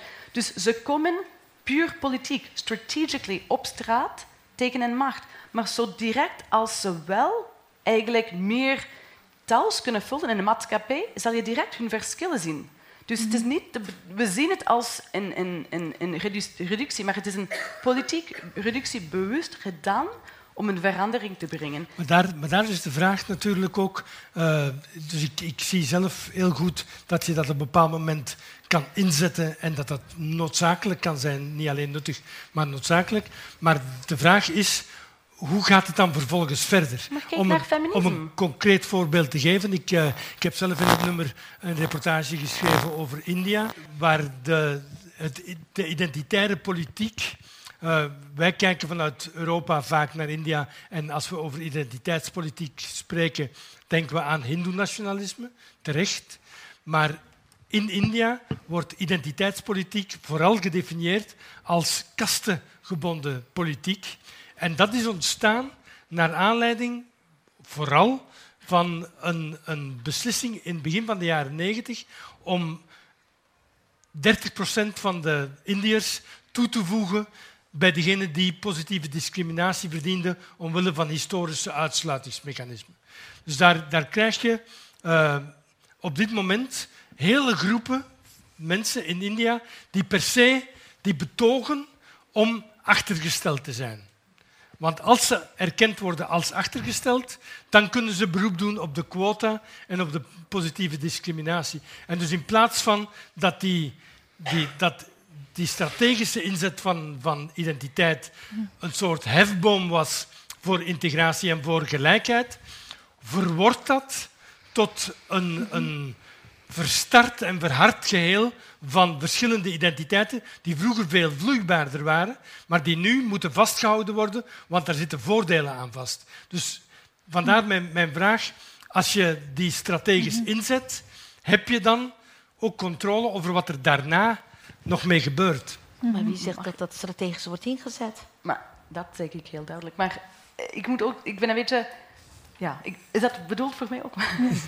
Het was een, als, als, het, ah, als het totaal niet gaat over wat dat jij zegt, dan moet je dat misschien even uitleggen. Want ik, had, ik heb het wel zo begrepen, strategisch inzetten van identiteiten doe je op een bepaald moment omdat er, omdat er machtsongelijkheid is, omdat er noodzaak is om strijd te voeren. En dan ga je zeggen van, oké, vandaag zijn we allemaal zwart, maar, en jij zegt, eenmaal dat die machtsbalans kantelt, dan krijg je terug die veelheid van verschillen. En daar zeg ik niet noodzakelijk nee, zo. zeker. Dus in het politiek, in het leven, in het kwestie van hoe we zijn, nooit niks is noodzakelijk. Het is precies, politiek is verandering, is het feit dat we hebben geen controle. Het is niet dat we allemaal computers zijn dat we kunnen controleren. We weten nooit wat zal gebeuren. En dat is eigenlijk wat fijn is van het leven en ook van het politiek. Maar je kan een voorbeeld vinden waar het slecht gaat. En dan moet je het bestuderen begrijpen, maar je kan ook voorbeelden bekijken waar het heel positief gaat. Dus mijn spontaan antwoord was het feminisme. Je ziet heel duidelijk, het feminisme is begonnen als witte, rijke feministen. En direct, als er was een beweging voor de politiek uh, stem van de vrouwen, dan is er nog een ander golf van feminisme dat veel meer divers was voor sociale rechten, economische rechten, rechten over ons lichaam. En die komt radicaal feminisme. In de derde golf heb je wel meer kleuren, intersectionaliteit. Dus je hebt precies, het is eigenlijk zoals je zei, het is zoals democratie. Het is niet dat het gebeurt één keer en dan is het allemaal in orde. Elke dag moet je op straat kunnen gaan, elke dag moet je het kunnen bestrijden, elke dag moet je dat doen. En, en zo is politiek. Dus het is, en we, we weten niet, zal het zijn zoals het feminisme met Black Lives Matter of in Europa Muslim Lives Matter? Wie weet, we weten het niet. Het hangt van heel veel dingen af. Maar het kan slecht gaan, zoals in sommige landen, maar het kan ook heel positief gaan. En wat Guy zei, is bij ons precies andersom eigenlijk gebeurd met in de tijd van Ayaan Hirsi Ali. De term, eh, ook weer, uh, ik zeg apartheid is een Nederlands woord, maar uh, moslima is ook een Nederlands woord. In de tijd ontstaan van Rita Verdonk en Ayaan Hirsi Ali in Nederland.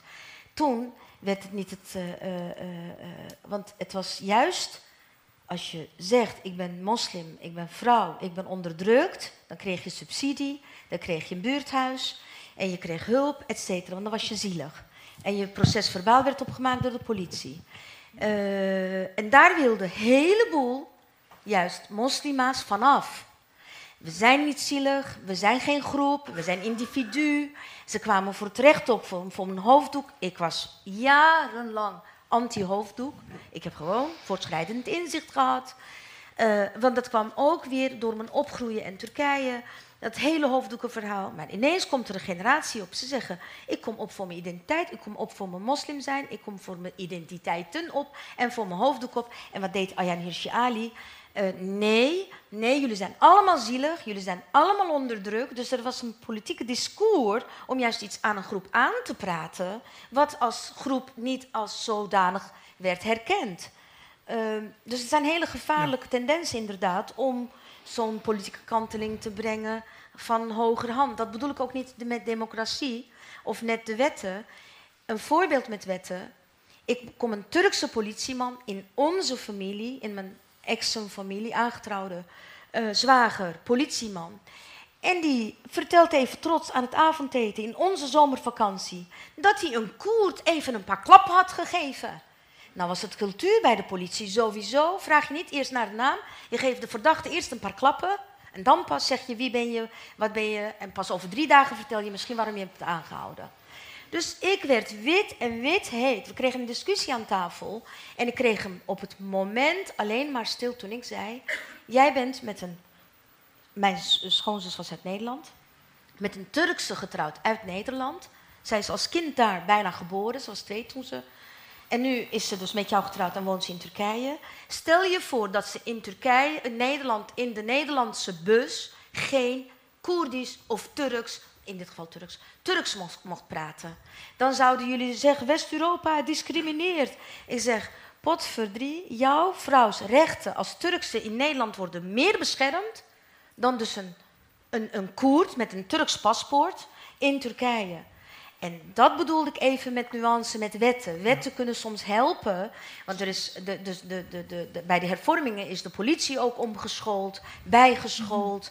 Uh, vrouwen kregen meer rechten. Vroeger kon je geen eens van verkrachting aangifte doen, want je had er zelf om gevraagd. Maar dat hebben wij in de 60 jaren ook eh, afgedwongen in Nederland. Dat was seks tegen haar wil. Die heeft niet voor niets bestaan in Nederland om die wetten te veranderen. Dus de wetten moet je zien als middel als weer ook weer die veranderingsmiddel, als, als een soort, ja, houvast, iets, iets van een houvast. Ja. Dineke? Ja, en niet alleen de wetten, maar natuurlijk ook de controle op de wetten. Hè. Een rechtsstaat, een grondwettelijk ja. hoofd, dat je kan Ja. eigenlijk een, een soort toetsing vragen van de wetten bij een hoger eh, college. Dat is de rechtsstaat en dat is natuurlijk heel erg, um, heel erg belangrijk. Ik wil nog wel misschien kort iets zeggen over die joods-christelijke cultuur in Canada. En, Dat heb ik ehm, zeker niet gezegd. Die nee, nee. christelijke cultuur. Ja, Ik ben Joods. Ik, dat is niet mijn cultuur. enfin, Sorry. Oké, Joods, dus- christelijk heb ik, ik heb heel veel moeite met dat. Want ik, dat, dat is eigenlijk ja, heel problematisch. Oké, christelijke cultuur. Christelijk, sorry. Maar ik dacht dat je het wel gezegd had, maar Nee, nee, nee. het doet er niet toe. Ehm, natuurlijk, de vergelijking met Canada. ehm, Canada is een land dat eh, nog maar een paar eeuwen bestaat. En natuurlijk, eh, zoals Amerika ook, daar is natuurlijk ook een genocide aan, aan vooraf gegaan. Er is eigenlijk een soort van de illusie van het lege land dat daar gecreëerd wordt, een nieuwe samenleving gecreëerd. Terwijl natuurlijk in Europa die traditie al veel langer is. En ik denk dat daar zijn er ook gewoon verschillen die eh, te maken hebben met het verzet tegen de katholieke kerk. En dus je hebt denk ik een andere opvatting van secularisme dan in Amerika of in eh, Canada.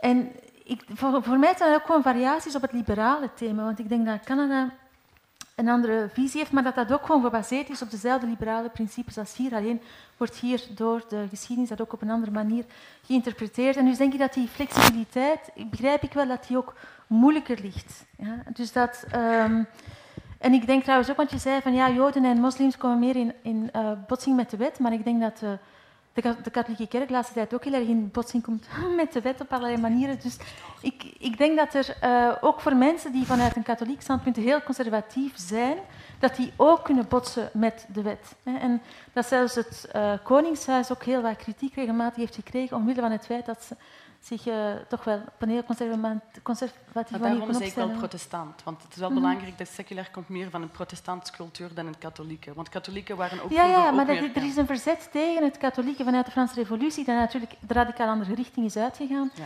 Maar in, in beide gevallen, hè, of dat het nu gaat, we kunnen een theologische discussie beginnen over de 17e eeuw, maar in beide gevallen gaat het om gewetensvrijheid die dan in de christelijke wereld op een andere manier is geïnterpreteerd en politiek heeft doorgewerkt. Maar ik bedoel, die flexibiliteit of het mindere, dat het een land flexibeler is dan het andere, heeft ook gewoon te maken met een langere traditie en op die manier kan je dat misschien ook beter begrijpen.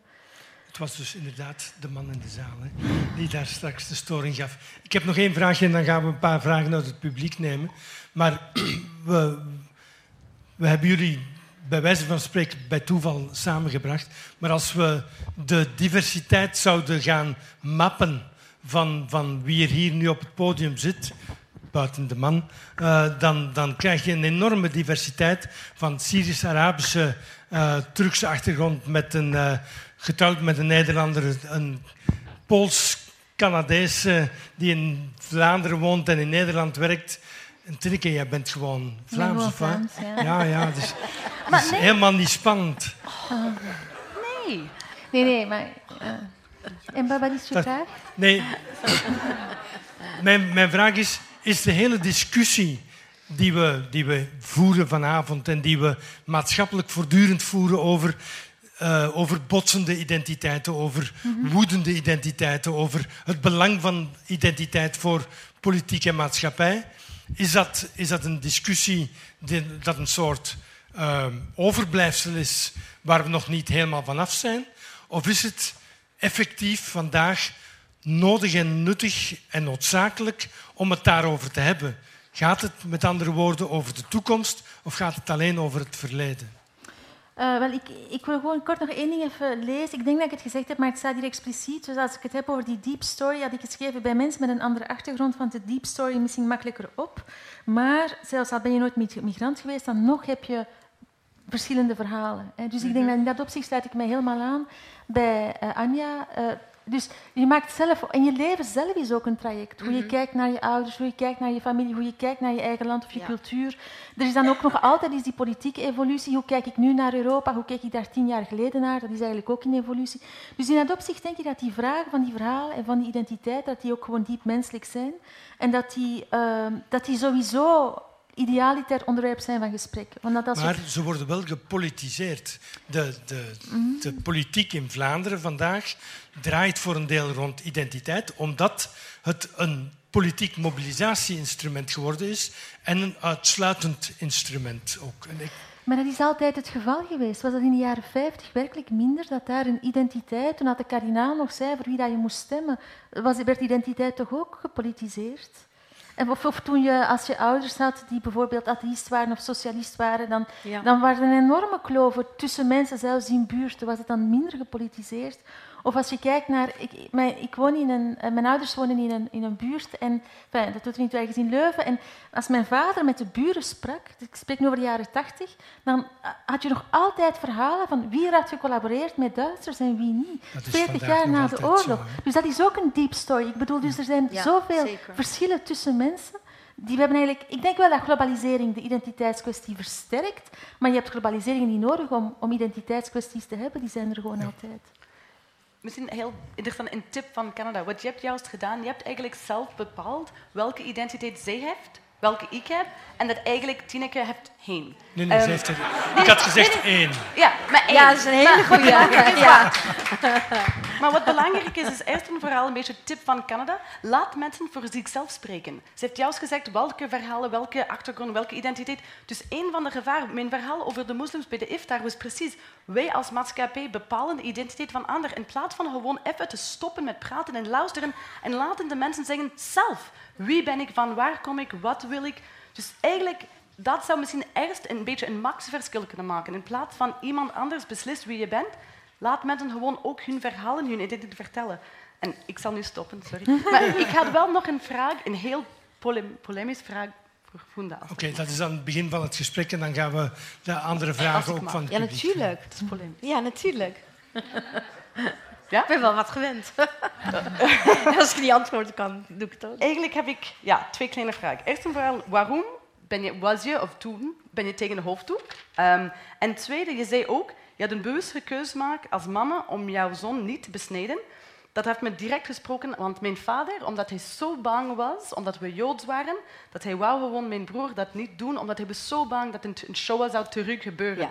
Dus hij heeft het niet gedaan omdat hij bang was. Maar precies, ik vind beslissingen maken omdat we bang zijn, dat is, we moeten eigenlijk een beetje een stap verder zeggen van iedereen moet kunnen dragen, besneden witte zijn, hoofddoek, niet hoofddoek. Ja. Dus waarom heb je eigenlijk die beslissingen gemaakt? Want, ja. ja, nou vooropgesteld ben ik het dus helemaal met je eens. En angst mag nooit een drijfveer zijn. Uh, ik uh, dacht, ik ben een hele moderne moeder. En ik ga tegen de stroom in. Ik ben mijn leven lang tegen de stroom ingegaan. Uh, ook als een van een tweeling. En uh, we hebben twee tweelingen thuis, zes kinderen. Was ik een beetje het vreemde eend in de bijt. Ik wilde acteren en ik wilde andere dingen doen. En we zijn beleidend liberaal opgevoed, maar toch, ik wilde altijd net meer. En toen ik moeder werd, werd me, uh, ik, en ik was in een heel erg intellectueel, Turks intellectuele kring. Bertolt Brecht en de wereldpolitiek in Nederland en de tachtiger jaren, rechtse koep van Turkije heeft heel veel intellectuele vluchtelingen naar Nederland opgeleverd. En eh, ik heb voor ze getolkt en, nou ja, en ik heb me aan ze gelaafd, aan hun kennis. Ik ben ook een deel geworden dankzij hun, wat ik, wat ik ben, aan die multi-identiteit, eh, zeg ik wel eens.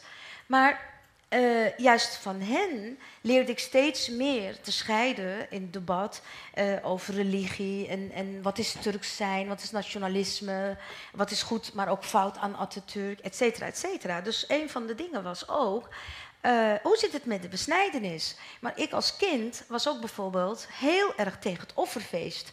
Waarom moeten we altijd in die ene vier dagen per jaar miljoenen schapen slachten?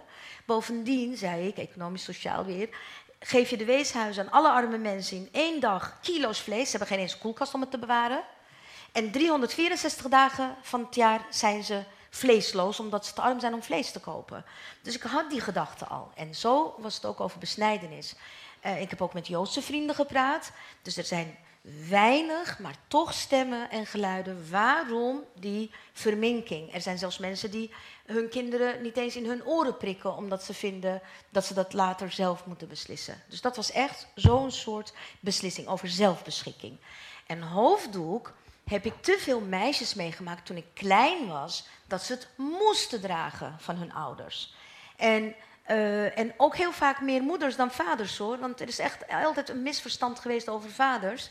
En, en daarom had ik zoiets van. Zie je nou wel, als ze aan de macht komen, dan is het eerste wat ze doen. Je mag geen alcohol drinken, je mag niet roken, je mag geen korte rokjes dragen en je, je moet een hoofddoek dragen. Dat was een angst tegen het regime, tegen de vrijheid, anti-onvrijheid. En, uh, en, en later werd het een nieuwe beweging. Het is gewoon ook gepolitiseerd, de politieke islam. Dat is weer een andere discussie. Maar ik dacht, als jij werkelijk. Want ik zei, als kind word je geïndoctrineerd door je ouders, door de opvoeding. Als jij zegt je bent Joods, dan word je Joods. Jij draagt een hoofddoek, je bent moslima, dan word je dat. Hoe kan iemand op haar 14-jarige leeftijd ineens zeggen: Ja, maar ik heb er zelf voor gekozen. Dus dat nam ik ook in de maling. Ook in mijn columns, ook in mijn theater. Ik denk, ja, je hebt er zelf voor gekozen. Heel leuk, ja, ja.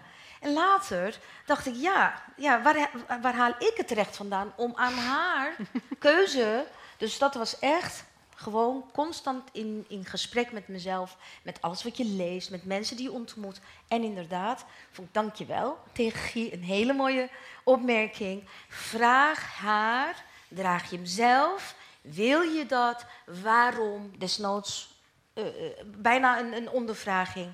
En, en neem dan voor waar aan wat het antwoord is. Ik ga er niet over. Goed, point taken. Zijn er vragen, opmerkingen uit het publiek? Er is er daar al vast eentje. Er komt een microfoon naar u toegewandeld. Enfin, Jenny wandelt en heeft een microfoon bij. Hallo. Uh, ik vroeg me af, media werd rakelings even vermeld. Uh, als het gaat over identiteiten en, en verschillende identiteiten, gelaagde identiteiten, uh, hoe kan media daarbij helpen om die verbinding, om die meerdere lagen te laten zien? Omdat ja, als je iets ziet op tv of op de radio of je leest iets, is dat heel eenzijdig. En, en hoe breng je die meerlagige identiteit dan over? Mm -hmm. Ladies. Iemand? Ik zou denken ten eerste, maar ik denk dat de kranten, de krant waarvoor ik werk, zich daar ook wel van bewust is, de standaard, maar het geldt ook voor sommige anderen. Ze zijn zich wel heel erg bewust van hun gebrek aan diversiteit, eigenlijk toekoer in de redactie. Dus ze proberen het ook wel voor opinie, maar eigenlijk zou je zou gewoon, uh, als het gaat over economie, als het gaat over buitenlands, het gaat zou daar gewoon uh, meer diversiteit moeten zijn. En dan ten tweede denk ik ook, ja, het brengen ook wel van die verhalen. Natuurlijk, dat kan ook via literatuur, dat kan ook op andere manieren.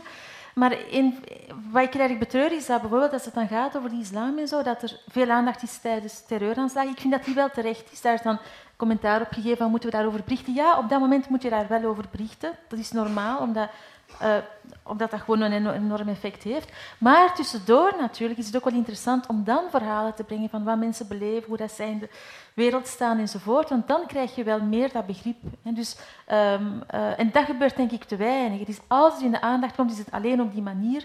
En ik denk veel te weinig uh, ja, die, die diversiteit hier toch zou moeten zijn in, in de verhalen die gebracht worden. En het wrange is dat je wordt gevraagd uh, alleen op die thema's waarvan ze denken dat jij er iets van over kan zeggen. Mm -hmm. Dus ik kon de laatste maanden elke dag bij Wereld Draait Door, maar met name Jeroen Pauw en Eva Jinek, vroeger was het Pauw Mitteman. Als je het programma kent, een talkshow in Nederland, veel bekeken, kon ik bijna elke avond aan tafel als ik islam, Erdogan, Turkije vooral wilde bashen. Mm. Niet duiden, niet eens echt een goed debat. Nee, ik moet natuurlijk wel duiden in een bepaalde richting. Maar ik weet ook iets over onderwijs. Ik, weet, ik, ik heb een voorstelling gemaakt. Ik heb een boek geschreven. Ik ben niet uitgenodigd. Ik ben bij Wereld Door uitgenodigd toen Intouchable kwam. Wat ik vond van uh, gehandicapten in films, in de cinema. Ik ben actrice al 30 jaar. Ik ben bekend in Nederland van Medecentrum als vrouw, gelogen, aan, et cetera. En en dan nog hoor, ik denk, ik zeg wel zo over mezelf, als een hoer had ik ja gezegd. Als ik niet mijn radioprogramma had, want ik uh, presenteerde toen anderhalf jaar lang uh, uh, drie tot negen uur live radio per, per week. Dus ik kon niet vanwege de radio. Ik dacht, ja, dit vind ik wel een leuk en onschuldig onderwerp. Ja, dat wil ik eigenlijk wel eindelijk niet moslim. Of Turks, of, of weet ik veel. Mm -hmm. Dus ik denk dat mensen van kleur uitnodigen eens een keer op thema's die ons land, onze wereld, het, de planeet, klimaat, tot en met de politiek, uh, et cetera, gaan. Dat zal helpen. En inderdaad, de juiste deskundigen, maar ook de juiste daartegenover de narratives, de echte levensverhaal. Dat is ook een, eh, een van de twee, hè, nog maar. Wie weet zijn er nog duizend andere. Ja, ehm, je benoemt de standaard. Dus eigenlijk zou ik de standaard gebruiken als eigenlijk slechte voorbeeld. Ehm, Maar ja, nee, maar dat, Label, is, dat is wat, ik, Ja. wat ik bedoel. Ik bedoel, Nee, ze zijn wel be- bewust van het probleem, maar als je kijkt op de pagina naar de colofon, dan is het, dan is het duidelijk. Precies. ja, ze zijn bewust van het probleem, maar dan komt een stem. Political message, I have no connection to Abu Jaja. Ehm, maar dan komt een stem die mensen boos maakt. Die eigenlijk spreekt en gelinkt is aan veel mensen hier. En wat doet de standaard? Omdat ze vinden wat hij zegt is te ver gegaan. Zijn column is afgeschaft. Dus ik vind dat is precies het gevaar van de media. Die, ze willen een bepaalde verhaal, ze willen een mooie, divers samenstelling, maar toch wel in een mooi, liberaal kader. Dus eigenlijk vind ik... Vrijheid van meningsuiting bestaat dan ineens niet. Ja, voilà. En dat zeggen die boze jongeren. Ja, maar ik, ben, ik, ben, ik was gechoqueerd wat is gebeurd, want eigenlijk, ja, oké, ik ga niet in de verhaal van Abu een maar goed in voorbeeld. elk geval, het is een, in België voor mij is het een heel duidelijk voorbeeld Ja. van ons media is niet meer echt open. Ik wil geen promo doen van Mo, dus ik ga niet daarin. Maar mijn punt Er is, is, er is niets tegen een beetje promotie voor mannen. maar ik zou zeggen, de promo voor Mo is dat Aya is nu een, een schrijver bij Mo en ik vind Aya de mooiste schrijver in België. Dus eh, ehm, ja, dat is promo voor Aya. Dat jullie hebben haar gekozen, dat is wel. Ehm, maar, eh, maar eigenlijk wil ik zeggen, ik vind we kunnen niet meer gewoon passieve burger zijn en verwachten dat ons media zal de werk doen dat wij moeten eigenlijk doen.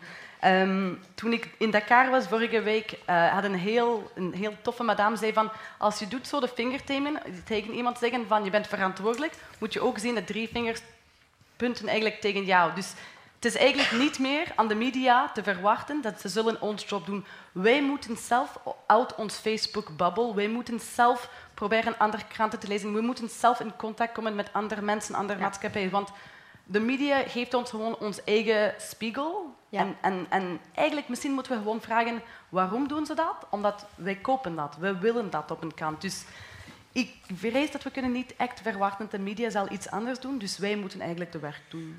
En daar gaan de sociale media nog een heel trap verder in natuurlijk, want je, je verwijst naar de Facebook-bubbel. Maar eh, de krant is nog een heel breed spectrum als je kijkt naar, eh, naar, naar de boodschappen en de, de visies die je via vooral dan Facebook te, te lezen krijgt. Was er nog een andere vraag of opmerking? Vandaag is, nu is het Jan. Voor, voor mannen brengt Jan de microfoon. Maar Guy, hoe weet je dat hij een man is? Ook als hij uiterlijk lijkt als een man volgens jou. Je mag niet zijn identiteit bepalen. Ik- ik zou me- ik zou me dat is wel prese- de boodschap van vanavond. Ik zou me presenteren als iemand die een, eh, een vraag heeft. Ehm, ik wil even teruggaan naar de, naar de titel van de, van de avond. Zeggen woedende identiteiten. Ehm, en dan wil ik het eigenlijk een beetje aan u laten of we dat een, een, als een sociologische vraag eh, benoemen. Ik bedoel, wie is er woedend en waarom nu? Of een filosofische vraag. Wat is woedend en wat, wat is de connectie met identiteit? Maar ik ben geïnteresseerd om, om daar een moment op die link tussen woede en identiteit eh, terug te komen. Als het zou kunnen. Ja, mijn inbreng was een klein beetje de woede van mijn zoon eh, in te brengen als voorbeeld voor al die angry young men die we, eh, die we, die we niet horen. Eh, het is, de woede is niet altijd terecht. Eh, de woede is niet altijd ook zinvol. Zeker niet voor hen, maar die, die, die woede waar we wel mee te maken hebben. En ik wil een onderscheid maken, want vandaag toen, toen, toen ik daar zat, dacht ik, ja, woede, eh, als wij hier iets zeggen en op de, of tv en dan is die eh, Facebook, eh, kankerhoer en eh, rot op en dit, dat. Die woede die op de social eh, media en Twitter wordt, da- daar heb ik het niet over. Ik heb het over echt, mensen zijn woedend. Mensen in Urk zijn zo woedend op de Nederlandse regering. Dat is een vissersdorp. Zeer gereformeerd christelijk. Zeer, zeer gewoon. De vrouwen hebben geen enkele rechten. Gewoon het Oude Testament wordt eh, eh, eh, daar nog gehandhaafd. Maar ze hebben allemaal PVV gestemd. Hun woede is de moslim die er niet is. Die Marokkanen, de gevaarlijke Marokkanen. Geen Marokkaan woont er in dat dorp. Dus de mensen zijn woedend. Bij Trump wordt er steeds gezegd, mensen zijn woedend. Dus ze zijn woedend op de regering, woedend op het leven, woedend op de technologie die ze niet kunnen volgen. Er is wel degelijk, proef ik, een soort van woede, gecombineerd met onmacht en machteloosheid, die, die zich richt op de politici, vind ik ook onterecht. Vind ik ook niet... niet dus ja, dat is, een, dat, dat is Maar, eigenlijk een... maar je hebt wel inderdaad eh, een gevoel van, je benoemt het zelf, van, van heel fundamentele uitsluiting en machteloosheid. Ja, En daartegenover is er wel een zichtbare elite die voordeel haalt uit deze maatschappelijke ordening. En, en heel vaak zie je toch dat, ook al wordt die woede dan politiek soms heel onhandig vertaald, zou je kunnen zeggen, maar dat dat Ja. de fundamenten zijn van wat we vandaag meemaken. Er is een maatschappelijke wereldorde geïnstalleerd waar een kleine, zeg maar 1% echt voordeel uit haalt. De politiek Ja. faciliteert dat en een groot deel van de bevolking voelt zich uitgesloten, voelt zich ook letterlijk achteruit gaan. de Eh, pensioenen, ziet- Piketty, ja. nou ja, Tineke zei het ook. En, ja. Ja. Ja, dat is zeker zo. En dat verklaart bijvoorbeeld ook eh, in Frankrijk. Eh, in Parijs ga je natu- natuurlijk de opkomst van Marine Le Pen niet begrijpen. Maar als je die verlaten dorpen ziet, waar Ja. mensen alleen maar overleven dankzij een uitkering, als je dan ook begrijpt hoe hun ambivalentie is tegenover een Europa dat vooral kapitaal bevordert enzovoort. En, en eigenlijk heel weinig voor hen eh, te bieden heeft, dan, op, zoals je terecht zegt, dan is Marine Le Pen daar absoluut geen antwoord op. Maar ze hebben natuurlijk wel het gevoel dat er bij die andere partij, of ja, Mélenchon was natuurlijk ook wel populair, dat er, maar zeker dat bij de centrumpartijen, dat er daar heel weinig begrip is voor die, eigenlijk, ja, die verliezers van de Ja. globalisering. En een vraag die ik daar dan bij heb is, hoe komt het dat die woede zich vandaag lijkt meer te vertalen in identitaire bewegingen dan in sociale bewegingen? Want het is, au fond, zeggen we allemaal in koor, van rechts tot links vandaag, een sociaal-economisch probleem. Een sociale economische uitsluiting, eh, globalisering die mensen eh, niet meeneemt, geen perspectief biedt. En, en daartegenover lijkt dan een beroep op identiteit een populair antwoord te zijn. Anja, je bent het er niet mee eens. Want ik denk dat je probeert het nogmaals een beetje te simpel te maken. Het is ook een economisch, sociaal probleem en ook een racistisch probleem en ook een kwestie van godsdienst. Dus eigenlijk moet je proberen het probleem te, te beschrijven en, en zien als ook complex. Want inderdaad, nu, zeker het populisme gebruikt identiteit, maar daar is ook nog andere verhalen die daar eigenlijk aan conflicten zijn. Dus, en, en, en ook, ja, dus voor mij is het, het is, Maar het is leg- niet leg- of-of. Nee, maar leg dan misschien eens kort uit. Wat is er dan in, in die complexe realiteit dat zo krachtig is dat het identitaire politieke antwoorden zo populair maakt? Mag ik een poging doen? Ja. Ik denk, eh, eh, eh, op zich, ik vind hem wel een interessante vraag. Kijk naar de sociaaldemocratie, kijk naar PvdA in de hele Europa, maar kijk even naar PvdA. Daar voelden zich de Turken met hun sociale identiteit, dus niet hun culturele, religieuze identiteit, maar sociale arbeidersklasse-identiteit thuis. Ooit was er zo'n Den Uyl en Wapimies, eh lijsttrekkers van de PvdA, die voor hun rechten opkwamen. Ehm, het is een, vind ik wel een terechte constatering dat links zijn eh, niets meer een identiteit is voor iemand om zich daarmee eh, begrepen te voelen, genoeg begrepen te voelen als hij ook nog moslim is, als hij ook nog eh, gehandicapt is, als hij ook nog werkloze jonge man is met een Afrikaanse look. Dus de, wat vroeger nog een beetje die arbeidersklasse of iets, dat was eigenlijk ook een zuil, dat, dat bond, dat, dat deed iets. En als je ziet naar de allochtone kiezers, om, ze, om die woorden die verboden zijn eigenlijk toch maar weer even uit de kast te halen, die eh, zijn, kun je ook weer toejuichen, volwassen geworden, want ze hebben een eigen partij. Dat is ook volwassenheid van democratie. Niet meer stemmen op een partij die 75% van al zijn doelstellingen helemaal niet voor jou heeft en maar een kwart had. Eh, en op een heleboel dingen voelde je je in de steek gelaten, gaf je een stem. Dat geldt natuurlijk ook voor een Vlaamse burger of een Nederlandse burger hoor. Niet alleen maar een Turkse, Marokkaanse burger. Maar die, die richten dan hun eigen partijen op. Nou, zo heb je ook de Dierenpartij in, Nederland en de, en, en, en de Klimaatpartij. Dus je voelt je niets meer in die sociale klassenstrijd, links, rechts, eh, eh, thuis of vertegenwoordigd als iemand dat wel zegt van zichzelf. GroenLinks, die had een tijdje eh, onder Femke Halsema zo'n liberale koers gevaren. Die heeft zoveel mensen, ook Nederlandse stemmers, maar allochtone stemmers, niet Nederlandse originele stemmers, kwijtgeraakt. En toen hij weer echt linkser werd, echt voor klimaat, en groen stond voor groen, links stond voor groen. Nou, jullie hebben gezien wat Jes, Jes Klaver uh, verwezen. Dus, En ik ben het met, uh, met jou eens, het is complex. Het is gewoon complex.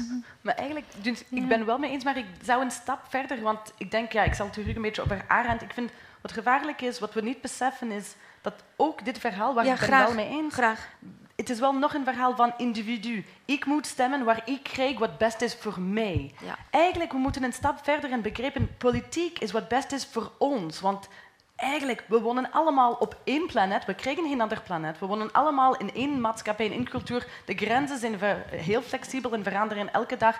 Mensen die uitgesloten zijn, komen sowieso toch naar hier. Dus ik denk, we moeten meer, minder in dit individueel, liberaal, neoliberaal idee van ik kies een partij Ja, dus die precies doet wat ik wil. En we moeten meer een beetje in ons ja, imagi- imagi- imagination gebruiken om te zien van welke partijen, welke groepen kunnen een, een, een voorbeeld geven van een samenleving, want iedereen mag thuis. Dus we moeten een stap verder dan een beetje die, die welke partij is eigenlijk zoals mij, copy-paste. Maar, ehm, maar voor mij is het toch, ik denk, ja, de linkse zeker heeft geen goede dingen gedaan voor mensen met verschillen. Want toch in het begin van anarchisme had je de vrouwenbeweging binnen anarchisme die zegt tegen de anarchistische man, maar wij zijn niet eigenlijk Ja. zoals jou. Dan had je de volgende klas, de zwarte, die zeggen tegen de wat, witte, witte feminisme, van, wij zijn ook niet zo. Dus je hebt altijd, dus je moet eigenlijk een politiek zien van altijd complex. En als je probeert het eigenlijk te reduceren tot ofwel links, rechts, ofwel dit of dat, dan ja,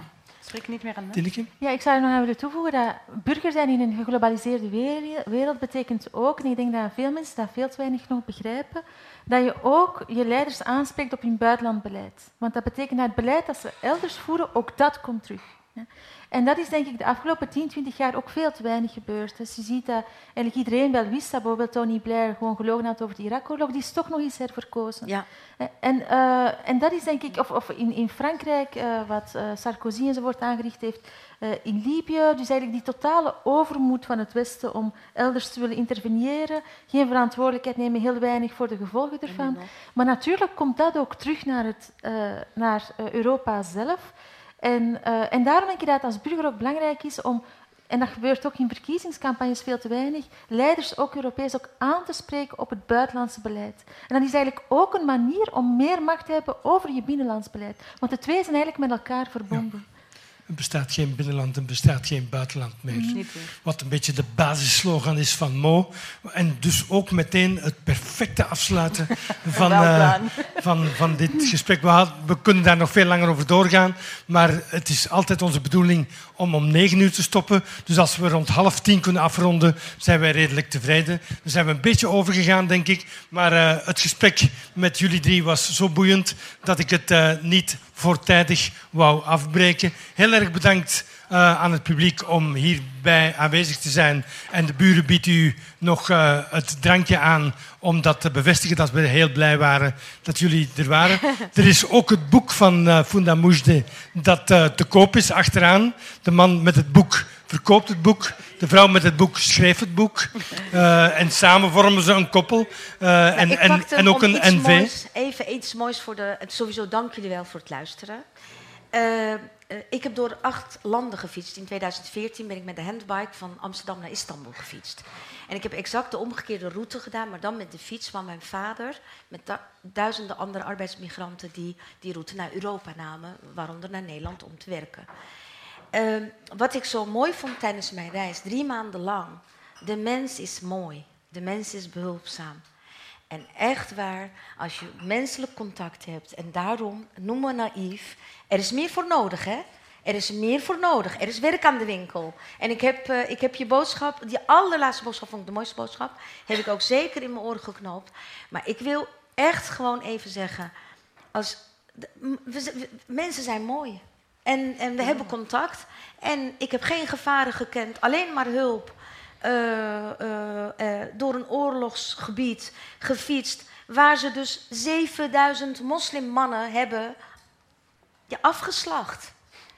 Maar als, zodra het niet over politiek gaat, wij mensen zijn inderdaad van één planeet. En dat is wat mijn boodschap is van Anja vanavond. Dat we groter moeten denken en niet in individuele verlangens in een partij of in de samenleving. Nee, mhm. hoe kunnen we individu blijven en maar toch samen, zie je weer, dat bos. Oké, okay, dank u wel. Ja, ik ben mee eens. Mensen zijn super mooi. Ja, ja. ja dank je wel. En de krullende haar. Je luisterde naar een podcast van De Buren, het Vlaams-Nederlands Huis voor Cultuur en Debat. Benieuwd naar ons literaire aanbod? Luister dan ook naar radioboeken, citybooks en andere audioverhalen. Ontdek ons podiumprogramma en al onze digitale producties op www.deburen.eu.